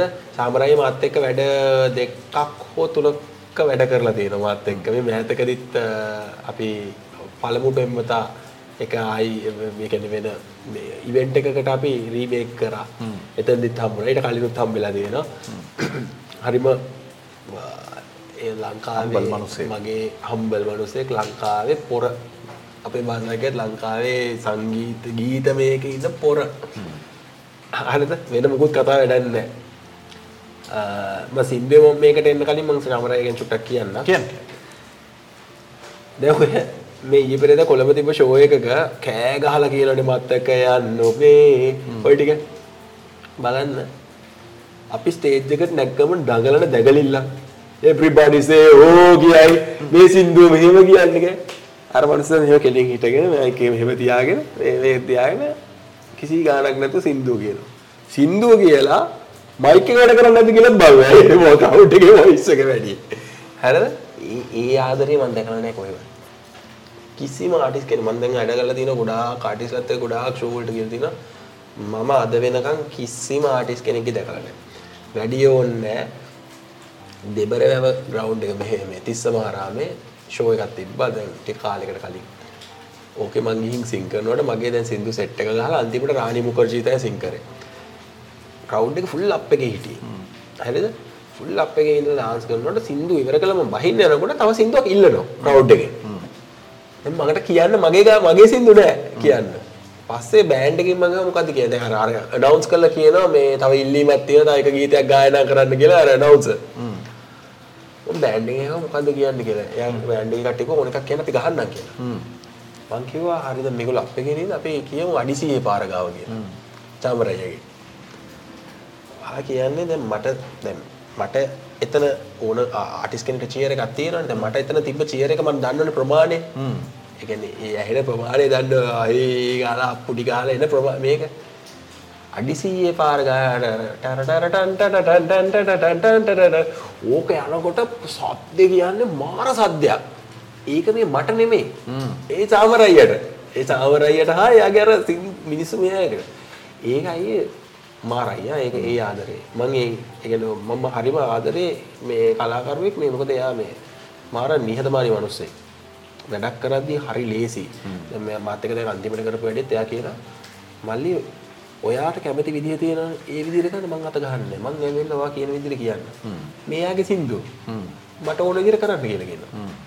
අපිට හම්බෙලා තියෙන මගේ සින්දුව අතවත් තියන්න එපා කියන එකේ අය හම්බෙලා තියෙනවා. ඔව්. හරිද? අනන්තය අප්‍රමාණ අනන්තවත් හම්බෙලා තියෙනවා. ඉතින් එයා මේ මනුස්සයා මාර නියතමානී එයා තමයි පෝරිමට කියන්න පුළුවන් නම් මට ඉස්ස එකක් කියන්න ඕන. හරිද? ඒක තමයි මේ මනුස්සයා අදට ස්ලිම් පීපල්ස් අවෝඩ් එකේ හැමදාම පිට පිට අවුරුදු ගාණක් මේ දැන් කොළඹ ඉන්න පොෂ් මිනිස්සු ටික මේ අනේ මල් සින්දු කියන ගොඩේ ගායකයා වගේ කියන කතා කියන මනුස්සයා අදට පීපල්ස් සිංගර් එහෙමනේ කියන්නේ. හරිද? මල් සින්දු කියන මල් කාරයෝ. එහෙම කියන්නේ. හරිද? එතකොට දැන් මේ ඔය පෙරේද ෂෝ එකෙන් දැක්කා කොළඹ ඉන්න මිනිස්සු ටිකත් ඒ ආදරේ හැමෝම තියෙනවා කියන්නේ. රන්තාලිය වැව ළඟ දැන් ඔය හිතුවා ඔගේ සින්දුවේ නම් තියෙන කුරුණෑගල පැත්තේ කතාවක් නේ හැබැයි මේ මේ මේ මම මම හොයලා බැලුවා ඊයේ මේ ওই සින්දුවම හරි ආසයි. ඒකයි ඔය පළමු පෙම්වතා ඊට පස්සේ මේ සිතින් විතරක් පෙම් කරන ඔය ඒකට මම ආසයි මේ අනිසිය බාරගා මම දැන් මේ ඊයේ පෙරේද ඔය ඔය අර චාමරායගේ ෂෝ මම බැලුවා ඇයි මෙච්චර මෙයාට ආදරේ මිනිස්සු? හරිද? දැන් ඕකේ කැලී ටික මම හොයලා බැලුවා. මේ ඇයි මෙයාට මෙච්චර මිනිස්සු ආදරේ? ඇයි ඒක නයාට කියන හදවතේ ගාව දාකාය ගායකයා. දැන් ඔය මේ මේ ඔය සින්දු අහන ගමන් තමයි ඕක මට මේ ක්ලික් උනේ රන්තාලිය මේව ළඟ. ආ, මෙයාගේ සින්දු වල තියෙන්නේ අයියේ මෙයාගේ සින්දු නෙවෙයි ගොඩක් අයගේ සින්දු වල තියෙනවා එහෙම. මෙයාගේ සින්දු වල තියෙන්නේ මිනිස්සුගේ කතාව. හ්ම්. රන්තාලිය වැව ළඟ උන් කාලේ මතකද? ඔබ ගිය දුරක ඊට පස්සේ වැවුතාවල ඉඳගෙන මං තනියම හැඬුවේ. දැන් අපි වුණත් අයි අපිට මේ දැන්. කවුරු වුණත් මම නම් එහෙම කරන්නේ නැහැ. ඒක මම අපිට මේ කියලා කියන ගත්තේ මේකප් එකක් වෙලා ටික කාලයක් අර ඒක හිතේ රැදිච්ච එක නම් අපි එයත් එක්ක ගිය තැන් වලට යනවා අපි අයිස්ක්‍රීම් එකක් එයත් එක්ක කෑවනම් අපි එතෙන්ට ගිහිලා අයිස්ක්‍රීම් එකක් ඔන්න ඔය මිනිස්සුගේ හැඟීම් නේ ඒ හැඟීම් වලටනේ හැම සින්දෙන් පළමු පෙම්වතත් එහෙමනේ. අදටත් මම ඔබගේ පළමු පෙම්වත. ඔයාගේ ෆස්ට් ගර්ල්ෆ්‍රෙන්ඩ් ගේ පළමු පෙම්වත. ඒ කියන්නේ ඔයා ඔයාගේ ගර්ල්ෆ්‍රෙන්ඩ් ගේ ෆස්ට් බෝයිෆ්‍රෙන්ඩ් ඔයා නම් ඔයා තමයි පළමු පෙම්වත. මගේ පළවෙනි හිටිය ගර්ල්ෆ්‍රෙන්ඩ් ගේ පළවෙනි බෝයිෆ්‍රෙන්ඩ් මම නම් මම තමයි පළමු පෙම්වත. අද වෙනත් මම ඔබගේ පළමු පෙම්වත. ඒක කාටවත් ගන්න. ඔව්. ඒක පදිනවා. හරිද? ආ, සමහර හිතන්නේ නැති මේවා දැන් එක පැත්තකින් ප්‍රශ්නයක් වෙලා අනිත් පැත්තෙන් එහෙම නැතුව ඉඳලා එනවා හිතින් විතරක් පෙම් කරන්න දුරින් හිඳ ඔබ දෙස බලන්න. අපට අප හිමි නෑ. සමහරවිට හිතන්න ගෙවල් වලින් කැමති වෙලා වෙන්න උනා. මේ මේ මිනිස්සුගේ කතායි. මේ මේ ඉන්න සාමාන්‍ය මිනිස්සුගේ කතා. හැබැයි ඒක සරල විදිහට ඒ මිනිස්සු ආස විදිහට ඒක ඒ කාලේ දීලා තියෙනවා. හැබැයි එතකොට ඕක දෙනවනේ අනිත් ආටිස්ලාගෙත් තියෙනවා. එහෙම සින්දු ඕන තරම් තියෙනවනේ. ඔව්. මේ කියන්නේ මිනිස්සුන්ගේ කතාව තියෙන සින්දු ඕන තරම් තියෙනවා. හැබැයි අර තරම් ජනප්‍රිය වෙන්න හා ඒ ටික වෙන්න චාමරයන විශේෂ දේවල් ටිකක් මම තියෙනවා. හිතන්නේ බොඩි ලැන්ග්වේජ් එකත් බලපාන්න. නියතමානීත්වය හ්ම් හ්ම් හ්ම්. ඒක තේරෙනවා. මිනිස්සු කියනවා ඇවිල්ලා මටත් කියලා තියෙනවා නැත්තේ නෑ. අපි අරයා වගේ නෙමෙයි ඔයා අපිත් එක්ක hina වෙලා කතා කරා. හ්ම්. මිනිස්සු බලාපොරොත්තු වෙන්නේ ඒකයි. චාමරය අර හරිම හොඳ මිනිස්සෙක් නේ. ඉතින් එයාට- කවුරුත් නෑ ශාමරට. බඩින්නේ කවුරුත්. ඒ පැකේජ් එකනේ ඔය එන්නේ. ඔය ඔය ඔය එයාගේ මිනිස්සුන්ගේ හදවතට කතා කරන සින්දුව ඇතුලේ මෙයාගේ පැකේජ් එකක් තියෙනවා. ඔය ටික ඔක්කොම එකතු වුණාම තමයි හදවතේ ගායකයා වෙන්නේ. හරිද? ඉතින් ඔය ඔය කියන්නේ මිනිස්සු බලාපොරොත්තු වෙනවා අයියේ තමන් ආදරය කළ උඩට ගෙනිච්ච මනුස්සයා තමන්ගේ එක්ක හොඳට කතා කරයි කියලා. අයියෝවත් එක්ක කතා කරන්න බෑ කියලා අපිට අයින් කරන්න බෑ ඒගොල්ලෝ කවදාවත්. හේතුව ඒගොල්ලෝ ඇවිල්ලා තින්නේ ඒගොල්ලෝගේ. ඔය ඕක මම බලන්නේ ලොකුම හේතුව දැන් මම ඉන්ඩස්ට්‍රි එකේ ඉන්න මිනිස්සෙක් නම් අපි තව මිනිස්සෙක්ට ආදරේ හිතෙන්න කොහොමද ඉන්න ඕනේ කියන එක අපි සොයාගන්දනයක් කරන්න පැයි ම මේ දැ මේ පහුගේටික ඔය ශෝස්තික දැකල ශාමරයියගේ මං කල්පනකර මේ මනුස්සය කොහොමද හදවතේ ගායක වුණේ නෑ කියලා. සින්දුටික කොහොමත් හොදයි හැබැයි අනිත්තයකත් සිින්දු හොදයින හදවතේ ගායකෙන් මං කියන්න අනිත්තයි නරකයි කියලා මේ. ඒගොල්ලොත් හොදයි එහම. ඇ මෙයාගේ මිනිසුගේ හිතට වදන කොටසත් තින එතන තමයි හදවතේ ගායකය කියන කෑල්ලෙන්නේ ඉතින් ඔය සින්දුව තෝරගත්තයයි මේ පොචාපරය ඉදම තමයි. හා මංගෝකට හරි ආසයි. කියන්නේ අපි හැමෝගෙම කතාවක් ඔක ඇතුළේ ඔය සින්දුව ඇතුළේ තියෙනවා. තියෙනවා. thank you මල්ලි. Thank thank you. හපුතලේ ඉඳලා ආවට. thank you මාව මතක පදයකට කතා කරාටයි අපි කාලයකට කලින් මේ හම්බෙන්නේ ඔව්, හිටියේ. කාලයකට කලින් හම්බෙන්න ඉතින් බැරි වුණා. ස්තුතියි ඔයාලට අනේක වාරයක් ඇවිල්ලා පොඩ්ඩක් ජීවිතේ මෙහෙම අපිත් එක්ක ෂෙයා කරගත්තට මතක ඇසුරෙන්ම දේවල් කතා බහ කරගෙන මම හිතන්නේ මේ කතා බහ ඇතුලේ අපට අපේ ජීවිතේ මොකක් හරි තැනකට ගේන්න පුළුවන් නම් නේ සරලව කියන සුඛිත මුදිත කරගන්න පුළුවන් නම් ඒක ලොකු දෙයක්. මම විශ්වාස කරනවා අ, ඔය තියෙන ඔය පොදුවේ එන අපි නිකන් කතා බහ කරන මානසික ආතතීන් නෑ වේදනාවන් පශ්චත්තාපයන් ඔය සියල්ලට මම හිතන්නේ තරුණයෙක් විදියට ඈ වැඩිහිටියෙක්ටත් වඩා තරුණ පරම්පරාවේ ඉන්න තරුණයෙක් විදියට අ, ඔයගොල්ලන් ආදරය කරන කෙනෙක් විදියට සචිත්ගේ මේ කතාව අතරේ ඔයගොල්ලන්ට ජීවිතේට දෙයක් එකතු කරගන්න පුළුවන් වෙයි කියලා. ඒක ප්‍රේමයේද ආදරයේද විරහවද කියන තැනකින් කොටු කරගන්නේ නැතුව සමස්ත ජීවිතය කියන තැනට ලඝු කරගත්තොත් මම හිතන්නේ ජීවිතේ අපට ජය ගන්න පුළුවන්කම ලැබේ. සතුටින් ඉන්න. සතුටින් ඉන්නවද? විසිර ගිය සිතුවිලි විට පැමිණිලි. සොයන විට සෙවලෙලි. හමුනිදමි පදව